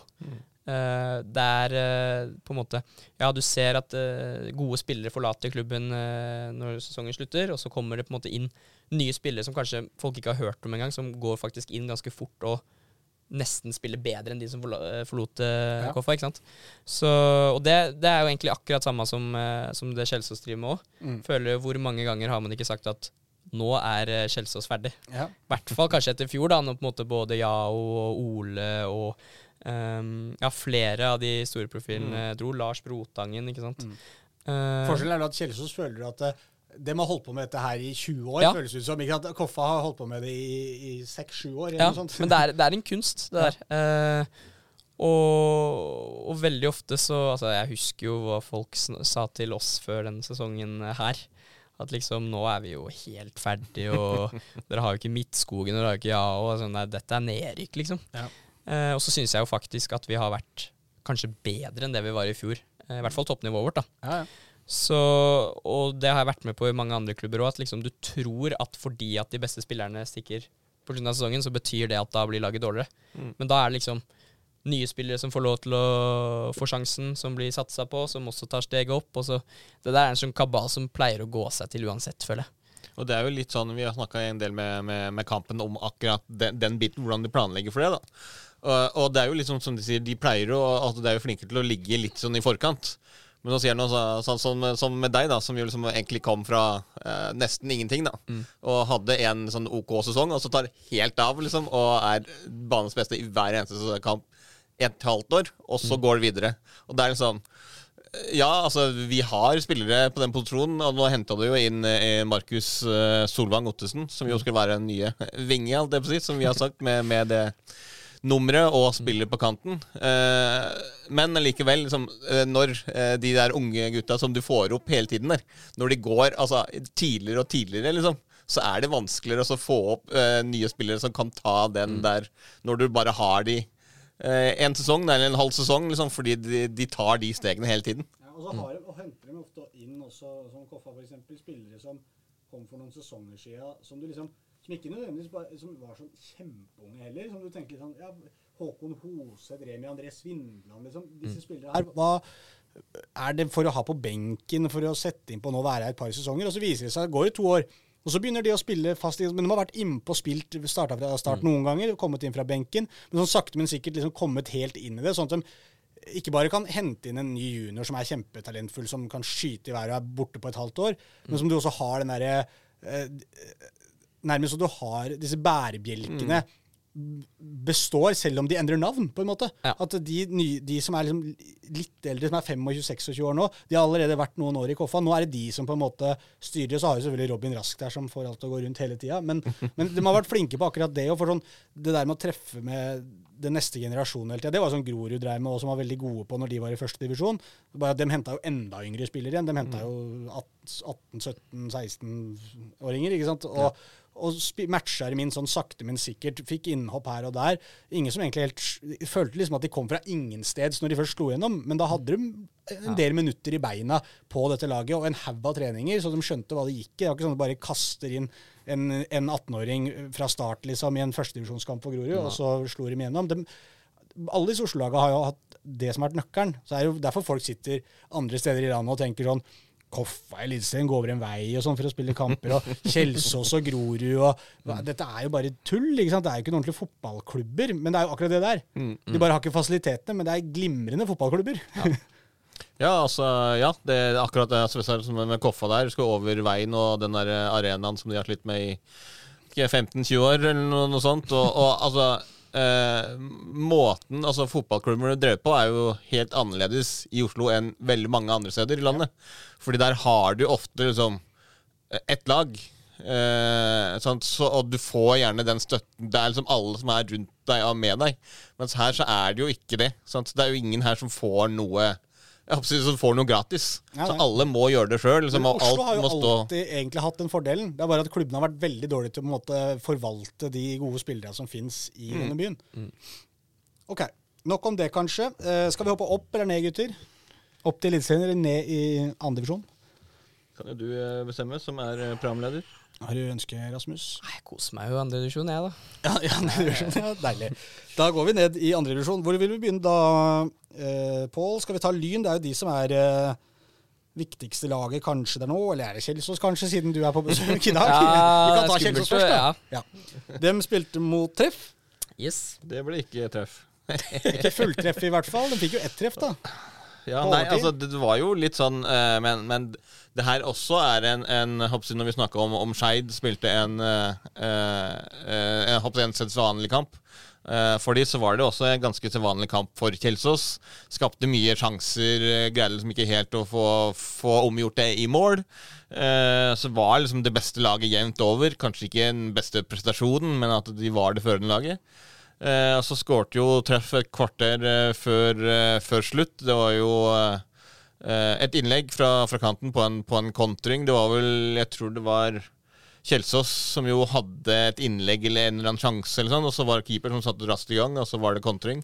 Så var det innlegg i, i, boksen, som jo da Viktor Halvorsen eh, var borti. Så falt den til en eller annen spiller på treff som satte den i mål. Eh, og det var liksom ikke sånn at treff hadde skapt enormt med sjanser, så man kan jo si at det var en smule ufortjent. Og, eh, Kjelsås fortsetter jo liksom å, å male på da, og uh, skape sjanser og, og gjøre den biten der, men de fikk jo ikke lønn for strevet da, før seks minutter på overtid. Uh, da hadde de jo eh, corner, sendt opp uh, William Darroca, keeper. Slo den inn der. Det høres ut som det er han som har scora. Det er det ikke. Nå er jeg spent. Det er litt gøy å sende om keeper. Ja, det er gøy. Men han var ikke så veldig involvert. Nei. Var ikke liksom som han som du kommenterte for Lazio. Nei, nei, han Det var jo tidenes mål. Det var Han var jo kanonløp av keeperen der, så klinka den inn. Men uh, her var det jo da slå, uh, slått inn på, på bakre stolpe til uh, Simen Olafsen, som hedda han tilbake igjen. Eh, og der var jo da Viktor Halvorsen som måtte jo gjøre det godt for seg, da, etter det første målet. Som jo heada den mot, eh, mot mål, og så er det jo litt sånn eh, Det er jo ikke noe go long technology, eller VAR, i uh, på Grefsen stadion. så, så det var jo sånn eh, Keeper var jo på den og hoppet slo den ut, men den, da hadde han jo kryssa streken. Og Kjelsås utligna da seks minutter på overtid. Eh, men det er jo som vi jo var inne på litt tidligere her. Én seier på de siste sju, ingen seire på hjemmebane på de siste fire hjemmekampene. Og prestasjonene har også vært litt deretter. Eh, Det har liksom ikke eh, sånn, eh, Når Rasmus var der, da, så var det litt sånn en sånn eh, Skal vi si en go i, i laget, men altså det, det var liksom noen sånne pilarer som du spilte på, da. Eh, nå har det, det har sett litt sånn ja, det er Litt sånn som kanskje ved sesongen i fjor, i hvert fall på bortebane. At det, lugga, det har lugga litt mer, men så er det jo eh, Så er det jo Det kan jo kanskje du snakke litt mer om, altså, for vi tenker jo sånn at når du havner eh, i den sumpa, som du jo alltid gjør Altså at Kjelsås kommer på femte-sjetteplass, som det har gjort hver sesong siden år 2000. Eh, ikke kan rykke opp, ikke kan rykke ned. Eh, på slutten av sesongen så er det så, Jo, selvfølgelig, vi skal utvikle spill, og kampen sier ja, ja, alle kamper er viktige og sånn, men det er litt sånn at kanskje den eh, 1 eller 2 av den motivasjonen da, forsvinner litt når du er borte og jeg vet at liksom, ja, ja, det har ikke så jævlig om å si om du kommer på fra femte- eller sjetteplass. Nei, jeg tror eh, det stemmer bra.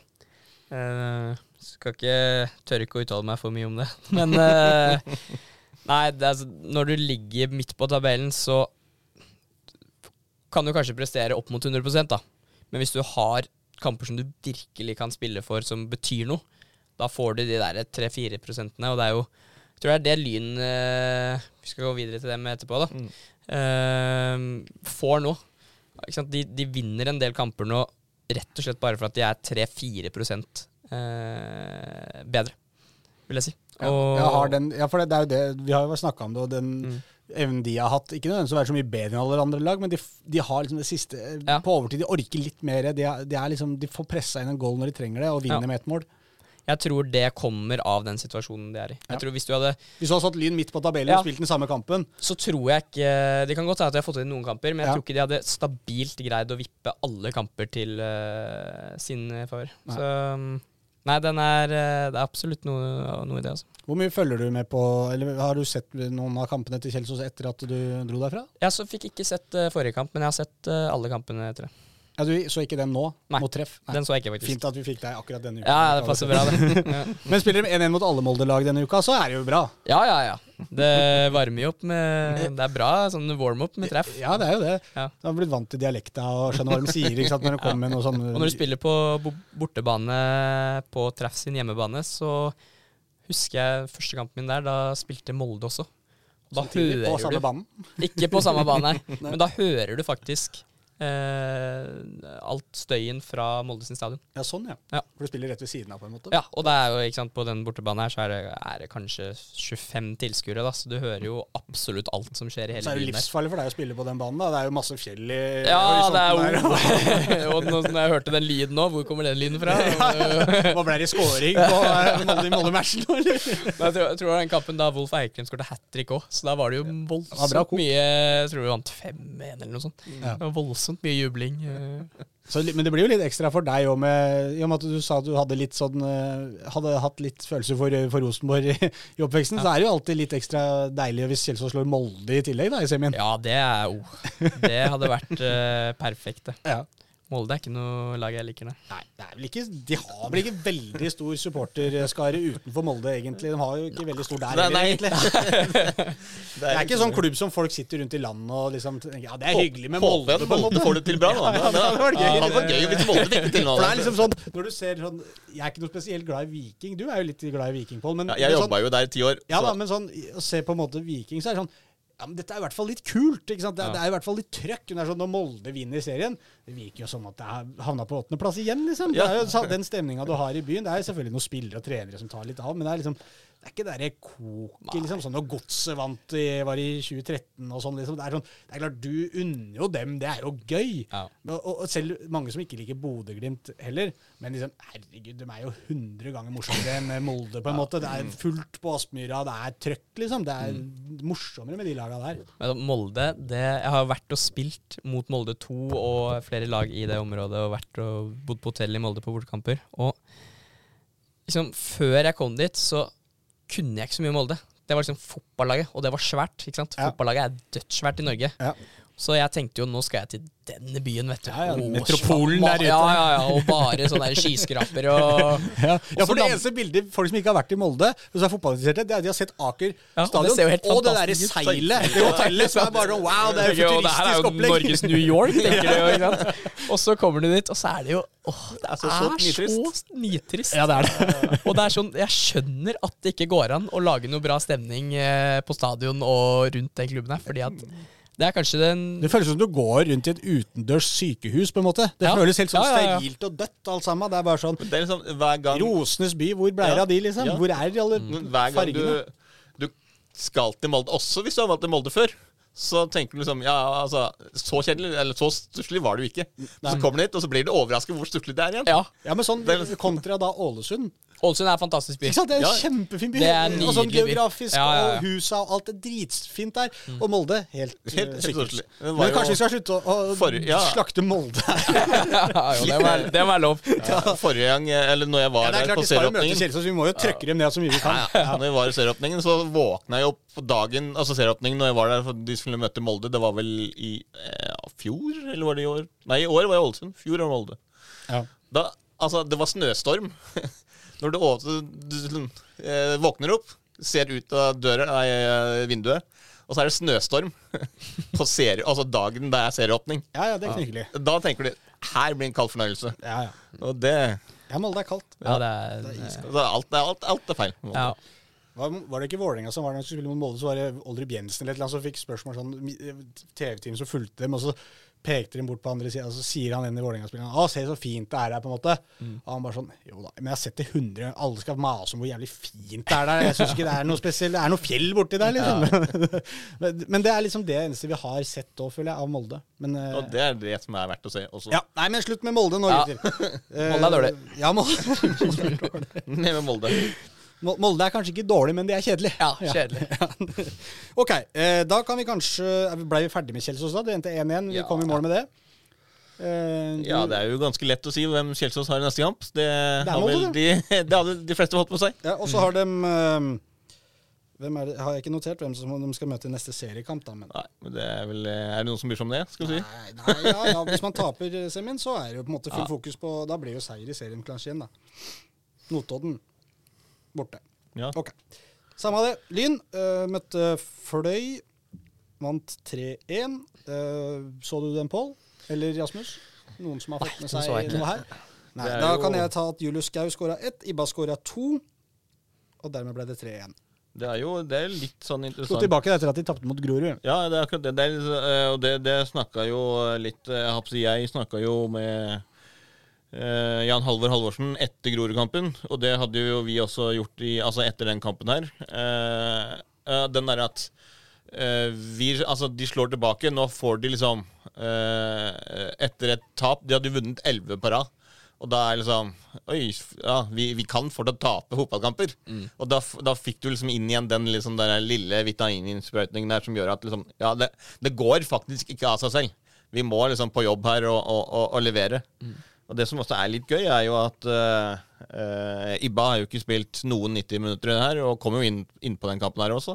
Men uh, selv om det er 38, så viser det jo hvor viktig han er for det laget her.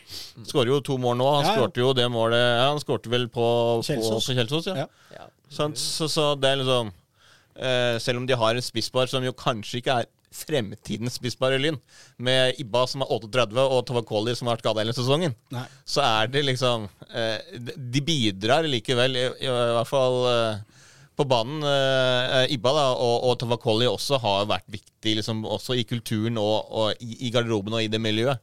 Så, så jo et intervju han Ibba etter kampen, som jeg syntes var litt morsomt. For da, Etter denne. Etter denne kampen, ja. Ja. For da var det jo han intervjueren som sa at eh, ja, du har jo blitt en sånn fantastisk supersub.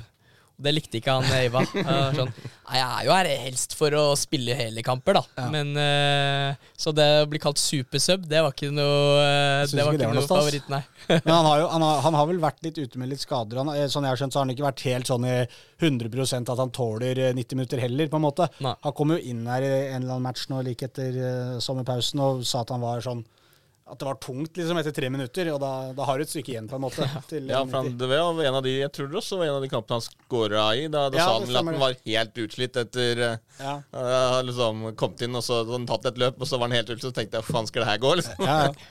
Så nei, du var jo med og møtte Lyn tidlig i sesongen uh, Ja. eh, med Kjelsås. Da tapte dere 2-0 mot dem. Hvordan, uh, hvordan er det Lyn-laget å møte? Det var vel, jeg lurer på om jeg snakka fordi Ei- dere møtte jo Da var jo ikke du der lenger, men Nei. eh, etter sommeren så var jo første kampen mellom Kjelsås og Lyn, og da sa jo Eivind Kampen at eh, Lyn er liksom et lag du ikke har eh, altså, Det er ikke noe spesielt der, men det er ingenting du kan ta dem på. Han syntes det var veldig sånn frustrerende. Han sa at de tar ingen sjanser noen steder. Du sier andre, som han sier, andre lag. Veldig ofte så har de et eller annet i spillet sitt hvor de tar en liten gamble, som hvis de lykkes med dette, så får de en kjempefordel. Men her er det også mulig å, å straffe dem. Mens han, på Lyn satt han og analyserte opp og ned, og bare det er, måte, de, de spiller ikke med noe særlig risiko. Det var liksom bare sånn gjennomført solid. Ja, jeg er veldig enig. Jeg sliter liksom litt med å forstå hva er det som gjør at Lyn ligger der de ligger nå. Ja. Hvorfor, da, altså, hvorfor kan ikke vi gjøre det samme, liksom? Mm. Uh, men altså, rutine tror jeg er et nøkkelord her. Hvis du ser på, på en måte erfaringen lynspillerne har kontra f.eks. Kjelsås, så er det mange spillere der med, med erfaring fra Obos, Eliteserien, utlandet. Mm. Um, og sånn erfaring det er ganske viktig i, i hvert fall um, kamper der du på en måte trenger det lille ekstra. da. Mm. Du trenger den rutinen, ikke sant. Ja, og du kjenner presset øker litt, på en måte. Ja. De som har roa Ja, ikke sant. Uh, det er jo som Eivind har sagt mange ganger òg, at med en ung spillergruppe så får du på en måte Du kan få en helt vill forestilling av en kamp, Mm. og så kan du være helt dritdårlig neste kamp. Altså Det er så store variasjoner. Um, Du kan egentlig få det innad i kamper òg. ja, Du kan spille ja, ja, dritgode førsteomganger og akkurat andreomganger det. og. Og det- det er jo det som er en ung spillergruppe, og det er jo fordeler og ulemper med det. Jeg føler Lyn, da er det sånn Du veit at du får ikke det, Du får ikke noe wow, Nei. men du får akkurat det du bestiller, på en måte. Ja. Du får akkurat det som trengs. Og det er sånn, som vi har snakket om litt tidligere, Lyn trenger på en måte ikke å spille feiende fin fotball. For, for de trenger ikke å dra folk til en, for å se på Lyn. Det kommer Nei. masse folk Nei. og ser på dem uansett. Det eneste de er interessert i, det er å rykke opp. Ja. Og, og det er det på en måte, ja, det er det som er bestilling her, og det er det de er i ferd med å få servert. Og Jan Halvor Halvorsen er på en måte der, og han er proff, ikke sant, han også, i det han driver med. og han er ikke her for å vise fram hvor gode disse lynspillerne kan være. Han er her for å vise fram et kollektiv som skal rykke opp, det er liksom, og det er det. Ja, og han også, altså alle de som har erfaring ute på banen, han også er ekstremt viktig på, på akkurat det. Altså For å si liksom Det her skal til, det her skal til, sånn må vi gjøre det, sånn må vi gjøre det, sånn må vi gjøre det. Sånn, og stoler du på han og følger den kampplanen, så veit du at da blir det suksess. liksom. Ja. Ok, Lyn. eh, Rykker dem opp, Rasmus? Ja. Det tror vel vi òg. Ja, ja. Jeg dummest har du trodd tror det hele, hele sesongen. Det. Slapp av litt, da. Altså, jeg, altså, Ja, det, det er to ting. Det, og så har jeg tippa Ja, ja, vi går eh, har jeg tippa da Koffa over Skeid på tabellen. Ja da, det, vi- og den er, den er vi ferdig med. Den er, Ja. Det er ikke mulighet det for. Pål. Nei, nei, men det Hvordan følger du det, ikke Håkon? Sånn middels. Det tar om noen år. Ja. Egersund Grorud 2-2. Det også var Dubois skåra igjen, og Sereba. Ja, begge to skåra igjen, og det var en veldig gøy eh, eh, kamp, eh, faktisk. Fordi Én, Grorud eh, slo jo eh, eh, Lyn forrige kamp, og da, da er det litt sånn som det som du var inne på, eh, Rasmus, at eh, Grorud har eh, kanskje ikke så veldig mye å spille for, de heller, i løpet av sesongen. De har liksom en trygg plass, skal utvikle seg, tenke litt neste sesong. Men så er det liksom de der eh, kampene da mot, eh, mot Lyn, eh, mot Kjelsås, som liksom er Oslo Derby. Der kan vi liksom vise at vi, er, vi skal være med, og vi skal slå de som, som er bedre enn oss. Og det er liksom den derre eh, som de da fikk da mot Lyden i, i, i forrige kamp. Og, og litt av det samme er jo mot Egersund, som jo også er et topplag i den divisjonen. Eh, og det var eh, eh, Grorud var, var fullt på høyde. Det var, liksom, det var ikke noe forskjell på de to, to lagene. Grorud leda jo eh, helt til det var fire minutter igjen. Eh, det skårte jo, tok jo også ledelsen. Eh, Sereba, eller altså Først så skåret jo Musa Dubois, og så skåret jo Sereba i, i andre gang. Så det leda jo helt til eh, til gjensto fire minutter, og da var det jo det som vi, vi snakka om litt tidligere her, at eh, en lang ball, og så stussa Mats Andersen den i eget mål fra 25 meter. Det er jo selvfølgelig veldig kjedelig når det, når det skjer. Det er liksom ikke den måten du har lyst til at kampen skal ende på, men, men en, en, en veldig, veldig god bortekamp av, eh, av Grorud. Eh, og eh, mye av det vi har sett eh, ja, spesielt etter sommeren, da, av, av det, det Alrek-laget der, gir eh, mye Altså, det, det, ser bra ut for neste sesong. Ja. Så greier å bygge på det her, gjerne få inn en spiller eller to i, i, riktige posisjoner der, så ser det ut som det altså, de, de kanskje da kan, kan, få til det som de håpte å få til i år, og, og, og være med på, på, å kjempe om det opprykket. Mm. Ja. Um, det var Grorud du suste gjennom der, ja. Skal vi se. Da må vi ta litt om Glimt og Vålerenga, Pål. Det kan vi godt. Så du den? Det gjorde jeg. Ja. Eh, Starta jo Så du den, eller hva koste du deg med på søndag? Nei eh, Må prøve å huske hva jeg koste meg med på søndag. Jeg reiste hjem på søndag. Ja, Så, så jeg så ikke sånn halvveis fulgte med? Ja. ja. Jeg så, så alle måla på Så høydepunktene. Ja. Det har jeg også sett. Men eh, hvis du så matchen, Pål, eller noe mer, så kan du få ta oss gjennom det. Ja, det starta jo eksepsjonelt dårlig, da. Med en uh, feilpasning. Det var vel uh, Bekk Risnes, som spilte inn i midten. Eh, ballen ble plukka opp av eh, Amal Pellegrino, som sendte han eh, Femi Pami Feris, heter han vel. Mbombanga i bakrom. Så gjorde det at Storevik lagde straffe etter 40 sekunder. Og når du da kommer borte mot Bodø-Glimt, som jo kanskje er den tøffeste kampen i året, og får straffe mot deg etter 40 sekunder, tenker du at dette blir en lang kveld. Uh, og det ble det også, fordi Bodø-Glimt hadde uh, Altså, de hadde trykket på Vålerenga nesten hele kampen. Skapte veldig mange sjanser, veldig mye trykk. Men det som har vært med, uh, med Vålerenga, som de også har sett i bortekampene mot, mot Molde, f.eks., etter 25 minutter, når de fikk justert seg litt inn, også mot, mot Viking, er at de har en helt annen soliditet. Altså Det er litt mer, mer, trygghet. Altså Nå er det jo kanskje litt dumt å si det etter at de slapp inn fire mål, og, og Bitri gjorde jo to kjempetabber, som jo gjorde at de, de slapp inn de målene. Men, men, men, det er litt en annen defensiv struktur i det laget, og det skulle jo nesten bare mangle, siden det er det eneste Gerbakk omtrent har jobba med siden han kom inn dit. Ja. Men uh, uh, Pellegrino har skåret sitt første mål etter to minutter. Torgeir Børven skårte sitt første mål i år. Han har jo da ikke skåret mål siden november i fjor. Skåret jo ingen mål i ses sesongoppkjøringen. Og har da ennå ikke skåret mål til nå i år. Så det var jo sikkert, sikkert kjekt for Torgeir Børven å få tilbake den, den målskåringsfølelsen. Eh, det kom jo etter langt innkast av Kill-Olsen, der Bitri vant en ball på første stolpe. Og så var det jo fullstendig kok i uh, Bodø-Glimt-forsvaret. Spilte vel ballen via en eller annen altså Det var jo helt håpløst. Uh, så Børven var på bakre stolpe og utligna. Pellegrino satte jo inn uh, 2-1 etter et kvarter. Pellegrino igjen etter 3-1. Det også var jo uh, 3-1-målet håpløst av, uh, av Bitteri, for han spilte jo først en chip inn i midten, sånn helt håpløs ball. Uh, ballen endte jo da opp igjen i, uh, i midtforsvaret uh, der, der han da sparker ned han PMI Faris i trynet. Klink straffe. Så den var jo grei. Um, Andrej Ilic skåret igjen på en veldig Altså igjen veldig bra spissbevegelser av Bit nei, Ilic. Ilic var veldig god i den, den kampen her. Jeg satte jo børs på han, og han sa jo at han var Vålerengas beste.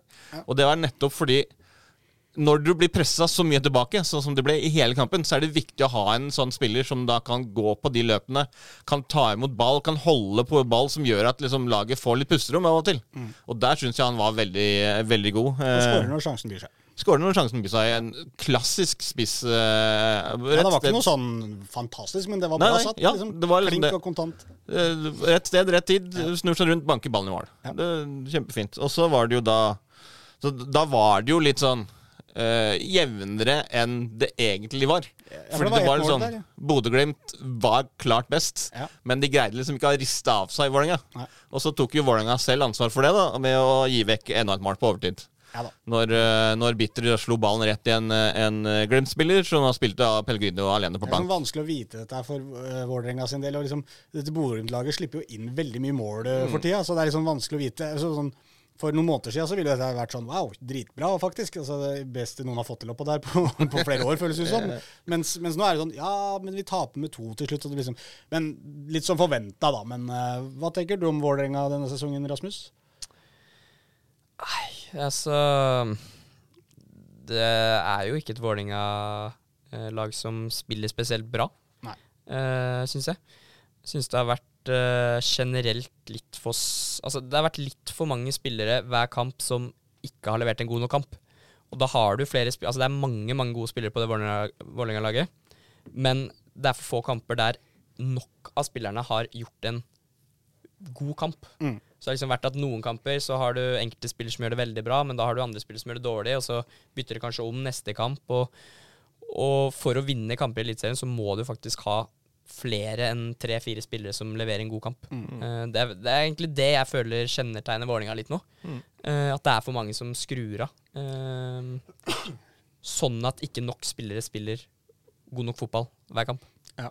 Og Vålerenga var litt sånn, De starta sesongen med å spille, prøve å spille fin fotball, og så Mm. ble det liksom, viste det seg som de ikke hadde kanskje kvaliteter nok til det, og da ble de fryktelig åpne og, og slapp inn mål og, og fikk ikke poeng. Så har de jo justert det litt med å på en måte stikke fingeren i jorda og skjønne at ok, vi, nå må vi bare redde stumpene istedenfor. Det har blitt et litt annet Vålerenga-lag. Og nå, som du sier, i starten så prøvde de å spille fin fotball, blei ikke fin fotball. Eh, og det er jo ikke spesielt gøy å se på. Mens nå på en måte er jo alle innforstått med at de kommer ikke på kamp og forventer å bli underholda. De, de kommer på kamp og forventer å få se full innsats. Og at de kriger for eh, alle de mulige poengene som er. Og det gjør de jo i denne kampen her òg. De kriger jo virkelig for og ikke er sånn veldig langt unna faktisk kunne få med seg noe fra Bodø også. Så det må de jo ta med seg. Ja, så tror jeg eh, også at de Det er ikke sånn de, de reiser opp dit og forventer å tape, men, men som du ser litt som på, på lagoppstillingen, at uh, Stefan Sandberg blir jo uh, kanskje hvilt til, uh, til kampen da mot, mot Glimt nå på torsdag. Sånn at Du har Aron Kiel Olsen får sin første kamp fra start. Torgard Børven får en kamp fra start. Vitinho er inne der og, og, og spiller. Omar Bulli får sin første kamp i Eliteserien for Vålerenga. At du, altså, sant, du, du, du tar kanskje og gir den gjengen litt mer spilletid da, enn du kanskje ville gjort eh, ellers, nettopp pga. at du har en hjemmekamp her, som jo da er en semifinale i cupen. Der du da eh, For det er ingen, det er ingen umulighet for Vålerenga å slå Bodø-Glimt over én kamp på hjemmebane. De kan fort sånn, gå til finalen, de, altså. Så, og da er det lettere Altså da er det, da er det mye bedre å prioritere den kampen enn bortekampen mot, uh, mot Glimt i, i serien. For der hvor Rasmus, hvor du da snakka om at eh, for Kjelsås så liksom, ja, man tenker kanskje har den cupkampen litt i bakhuet eh, gjennom en periode, så er jo, føler jeg litt sånn motsatt for Bodø-Glimt. At den der cupkampen plutselig kommer nå. Eller den følelsen jeg tror de sitter med. For de er liksom med og kjemper. De skal Ja. ikke sant, kjempe i Europa. De er kjemper eh, i, om å ta gull i Eliteserien. Så den cupkampen er liksom sånn mer Jeg tror den er nesten sånn at det er blir et problem at de ikke har tenkt nok på den, nesten. Ja, nesten. Altså, nå er det plutselig Skal vi til Ja, vi skal til Vålerenga nå, Ja, ja. det er nesten litt sånn plagsom kamp for dem. Vet du. Ja, Mens for Vålerenga så så er det tenker jeg at dette er muligheten til å redde en veldig dårlig sesong. Ja. Og hvis, de da, Eh. hvis Vålerenga sitter igjen etter sesongen, når den cupfinalen skal spilles, og de har redda plassen i Eliteserien, da kan du uff, puste Ja. ut, og så har du cupfinale, og plutselig så blei dette her en sesong med trofé og full pakke, liksom. Ja, ja, ja. Føler cupen er ofte litt sånn for mange lag at det er liksom Det kan være med på å redde det inntrykket man har av sesongen, da. Ja, så, men da føler jeg også veldig ofte at det er sånn Det er noen lag som er med i den cupen, kanskje i en semifinale, og så tenker de ja, dette kan bli redningsplanken. Mm. Men så føler jeg liksom allikevel, når finalen er ferdig, så, ja, så var det et av de de beste laga likevel som vant den Ja, cupfinalen, på en måte. Du føler det er jo som måte- oftest Det er ikke så ofte de får den redninga, på en måte, med Nei. å ta trofeet, men, men det blir på en måte sånn Ja, men allikevel, det var gøy med cupen, på en måte. Semifinale, eller kanskje finale. Det er jo det vi tenker eh, borti Kjelsås her òg, at eh, den cupen er liksom sjansen vår til å redde sesongen. Redde sesongen, Ja, ja, det er jo ikke bare å redde sesongen, det er jo å skrive seg inn i historien Ja, i all det- framtid, hvis man kommer til en Middels sesong der, midt på treet som vanlig. eh, Sant? Men cupen, vet der er vi. Der er vi, der er vi. Ja, det er Det er der vi skal være. Det er som jeg du. snakka om tidligere, og det er sånn trenere og sånn sitter og sier ja, vi, vi, så, det viktigste er at vi, hvis vi kan rykke opp i serien og sånne ting. Men Vi hadde vel et eller annet eksempel her, jeg husker jeg ikke hvem det var, men som hadde tapt en finale, men hadde rykka opp til toppserien, hovedserien, eh, for første gang. Husker ikke hvilket lag det var. Vi snakka Ja, om det. men det var sikkert Vard igjen. Ja men, så var det, ja, men så var det litt mer sånn hvor, Når du ser på det 50 år etterpå, da, 100 år etterpå, det er jo ingen som bryr seg om du rykka til Eliteserien ett år og rykka rett ned igjen. Ja. Men du står igjen, hvis du vinner cupen, så står du igjen for evig tid som en cupvinner, på en måte. Det er jo ingen som veit Dette Granelaget som vant de to første cupmesterskapene. Det er jo liksom ingen som eh, De visste jo ikke at de spilte i cupen engang, men, men, men, men de står liksom igjen der for all framtid. Og alle de som har noen gang vært og spilt en fin Bare du er i finalen, så vil folk eh, snakke om det, sånn som vi snakker om Vardia. Ja, ja. Så tapte den finalen sin i 75 Ja, minutter. hva faen, det var leit. Ja, det var fryktelig surt. Ja, veldig, veldig tungt. Ok, eh, Vålerenga da har Glimt som sagt da på torsdag i cupen. Så er det Sandefjord borte på søndag. Ny kjempeviktig match. Kamp. Der er det helt andre forutsetninger Ja. enn det var mot Glimt. For her er det en match som de da må, må ha med seg noe i. Men uavgjort er greit nok, egentlig, det altså for Vålerenga der. Det er ikke helt Ja, altså- katastrofe. Nei, altså, det, det viktigste Det er helt katastrofe å tape den, på en måte. Ja, Det viktigste for Vålerenga nå, altså, som det jo alltid er i, i det er bare ta nok poeng fra å Erik. Og hvis du da ikke taper mot de lagene rundt deg, så kan ikke de ta deg inn heller. Nei. Så derfor så, altså selvfølgelig, hvis de vinner, så greier de kanskje å hekte av litt sånn lag og, og nærme seg en, en sikker plass. Men hvis du liksom ikke Altså hvis du ikke taper, det er det absolutt viktigste. Jeg tror vi setter ny rekord i lang podkast for vår del i dag, gutter. Sånn er det jo alltid med deg når du skal være vikarlærer. Ja, ja, men i dag så har vi hatt med Rasmus òg, da. Så Ja, ja. Jeg har fått ta litt, Litt av skylda. Rasmus Jeg skal ta litt av skylda, faktisk. Nå skal vi runde av. Eh, Jeg skal bare ta med at vi glemte Ullern Junkeren.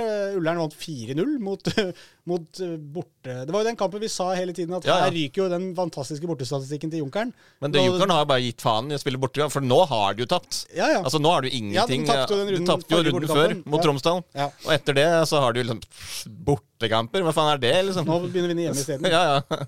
Fitima Semi med hat trick for uh, Ullern. Verdt å notere seg. Og så tenkte jeg Sent, men godt. ja. Fordi han har jo vel ikke skåret så mye mål før det. Nei da. Mm, jeg tenkte jeg skulle skyte, for vi, har jo, vi er jo ofte innom tredjedivisjon nå. Men ja, eh, jeg hadde jo tenkt Jeg har jo alle kampene oppe her. ja, jeg skulle i hvert fall ta med dine lag, da. Oppsal. Ja. De vant, eh, de vant 5-0, gjorde de ikke Ja, mot Hammerfest? Men altså, det der Hammerfest-laget Altså Ikke ødelegg moroa nå. Nei, nei, altså 5-0 det, er dritbra. De var bra. eh, ha- eh, Oppsal, veldig bra. Jeg så jo alle, alle målene. Gode god mål. Fem fine mål. Men Ikke sant? Nå liker jeg på den. de har altså Hammerfest står med null poeng, 21 strake tap, og oh, jo. hva har de? De har 5,91 i målforhold. Ja, ja, greit. Altså, altså, men veldig bra for altså, Oppsal at de, de fikk sin uh, Gjorde jobben, da. gjør det absolutt jobben. Ja, Nordstrand tapte mot uh, Skjervøy 1-0. Ja, Der var det jo uh, vår mann Thomas Holm som bytta seg selv ett minutt. Ja, den var vi inne på i sted. skjedde ikke så fryktelig mye i, i den kampen. Det var jo også en annen innbytter som, eh, som avgjorde. Det var etter en uh, dødball. Heading ut i, i det såkalte returrommet. Eh, der det var eh, en av de eh, innbytterne som strakk rista, og så la han klink i, i Kjempefin skåring. Drømmetreff av han innbytteren, som jo da har, selvfølgelig har glemt hva heter, men som jo Innbytteren til Skjervøy. Ja, ja, han som Ja, avgjorde det er kampen. ikke så viktig, Pål, men Nei, nei, men han avgjorde kampen, så ja, da, han skulle, kan få sine minutter. Jesper Nikolai Simonsen heter han, okay. som avgjorde kampen. Bra. Hyggelig for ta han. deg f- bak Fjesper. Du ødela for Nordstrand. Veldig fint for han. Så hyggelig, hyggelig. Bort med deg. OK. Eh, Eh, er det noe annet å melde fra tredjedivisjon? Ja, Ja, Dani Kamara skåret hat trick for Oppsal. Det kan vi også nevne. Det var hyggelig Ja. for han. Eh, Ullern 2 Frigg, ja. Eh, I likhet med A-laget så ligger også Ullern eh, sitt rekruttlag an til nedrykk. Ja. Da er det ikke liksom det beste du kan ha, er å møte Frigg, fordi de skårer jo i hvert fall tre-fire-fem mål hver kamp. Ja. Og det gjorde de nå, siden de skåret seks. Eh, Peder Nomel skårte begge målene til Frigg før pause. Eh, Håkon Wold Krogh skårte et mål. Ulrik Ferry skårte to. Eh, og da er jo han oppe i 97 mål. Oi.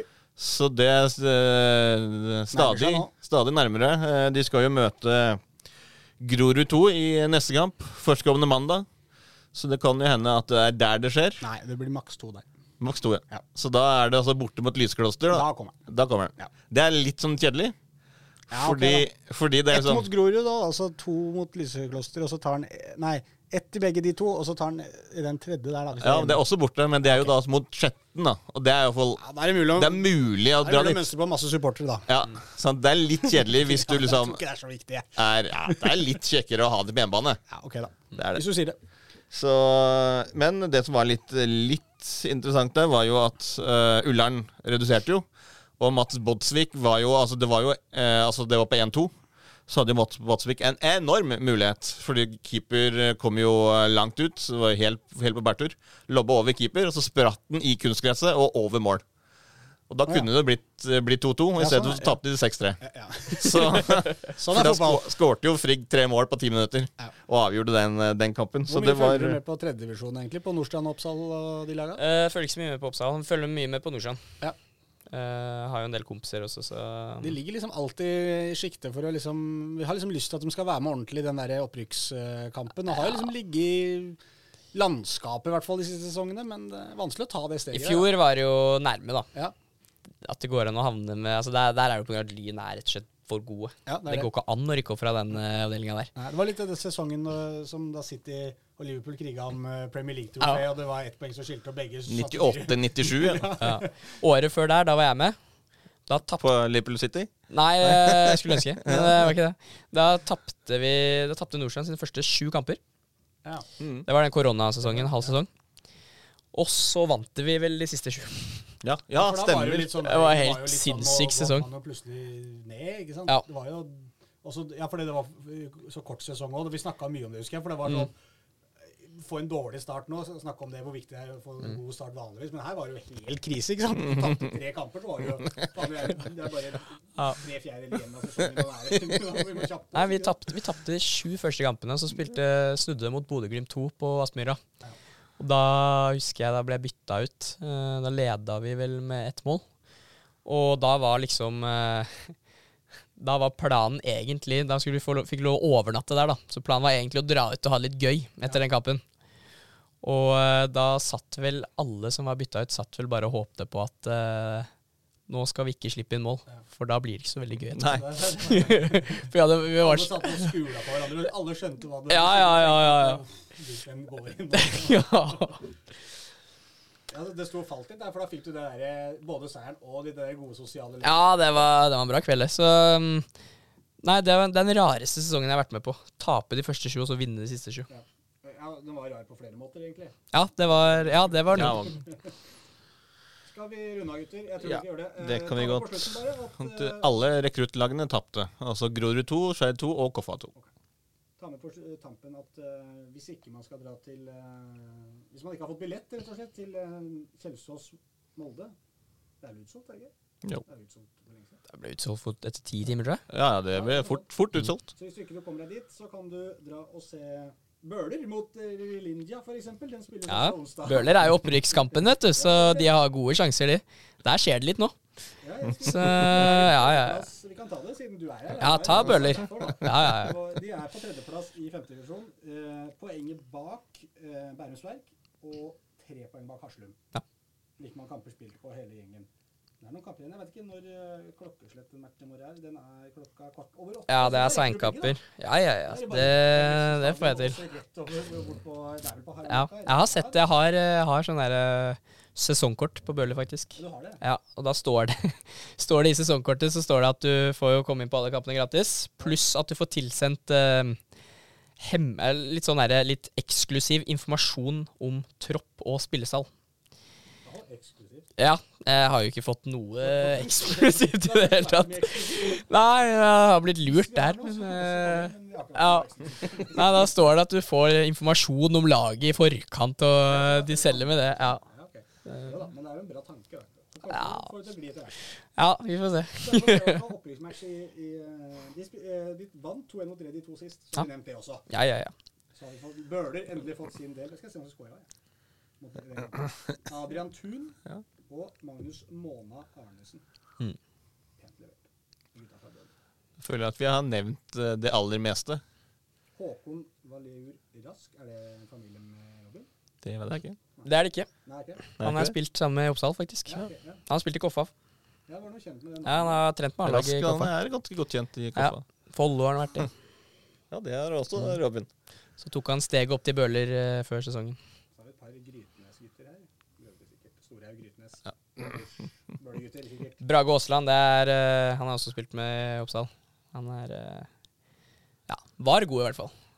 Ja, han er veldig god, kom ja, veldig god kompis av meg. Han, eh, han er god fortsatt, men han var bedre, tror jeg. Vi lar det være siste ord i dag. Det var kjempehyggelig å ha deg her, eh, Rasmus. Ja, takk for at du endelig fikk komme. Ja, det var moro. Så vi inviterer deg igjen hvis vi får muligheten en gang. Ja, Det har vært nydelig, det. Ja, det er jo skjønt, altså. Og Reidar har dratt, så han har sagt ha det for en time siden. Det. Ja, det har vi gjort, og det er jo fint, det. For jeg skal jo nå på et eh, årsmøte som begynner om fem minutter. Og hvor skal du, Rasmus? Skal hjem og sove. Ja, det er som vanlig. Ja, ja, ja. Må be- Du må til Jordal, ja. Du faen, Det er snart kamp. Det er snart kamp. Snakkes! Du har hørt en podkast fra Dagsavisen. Ansvarlig redaktør heter Andreas Heen Haaland Karlsen.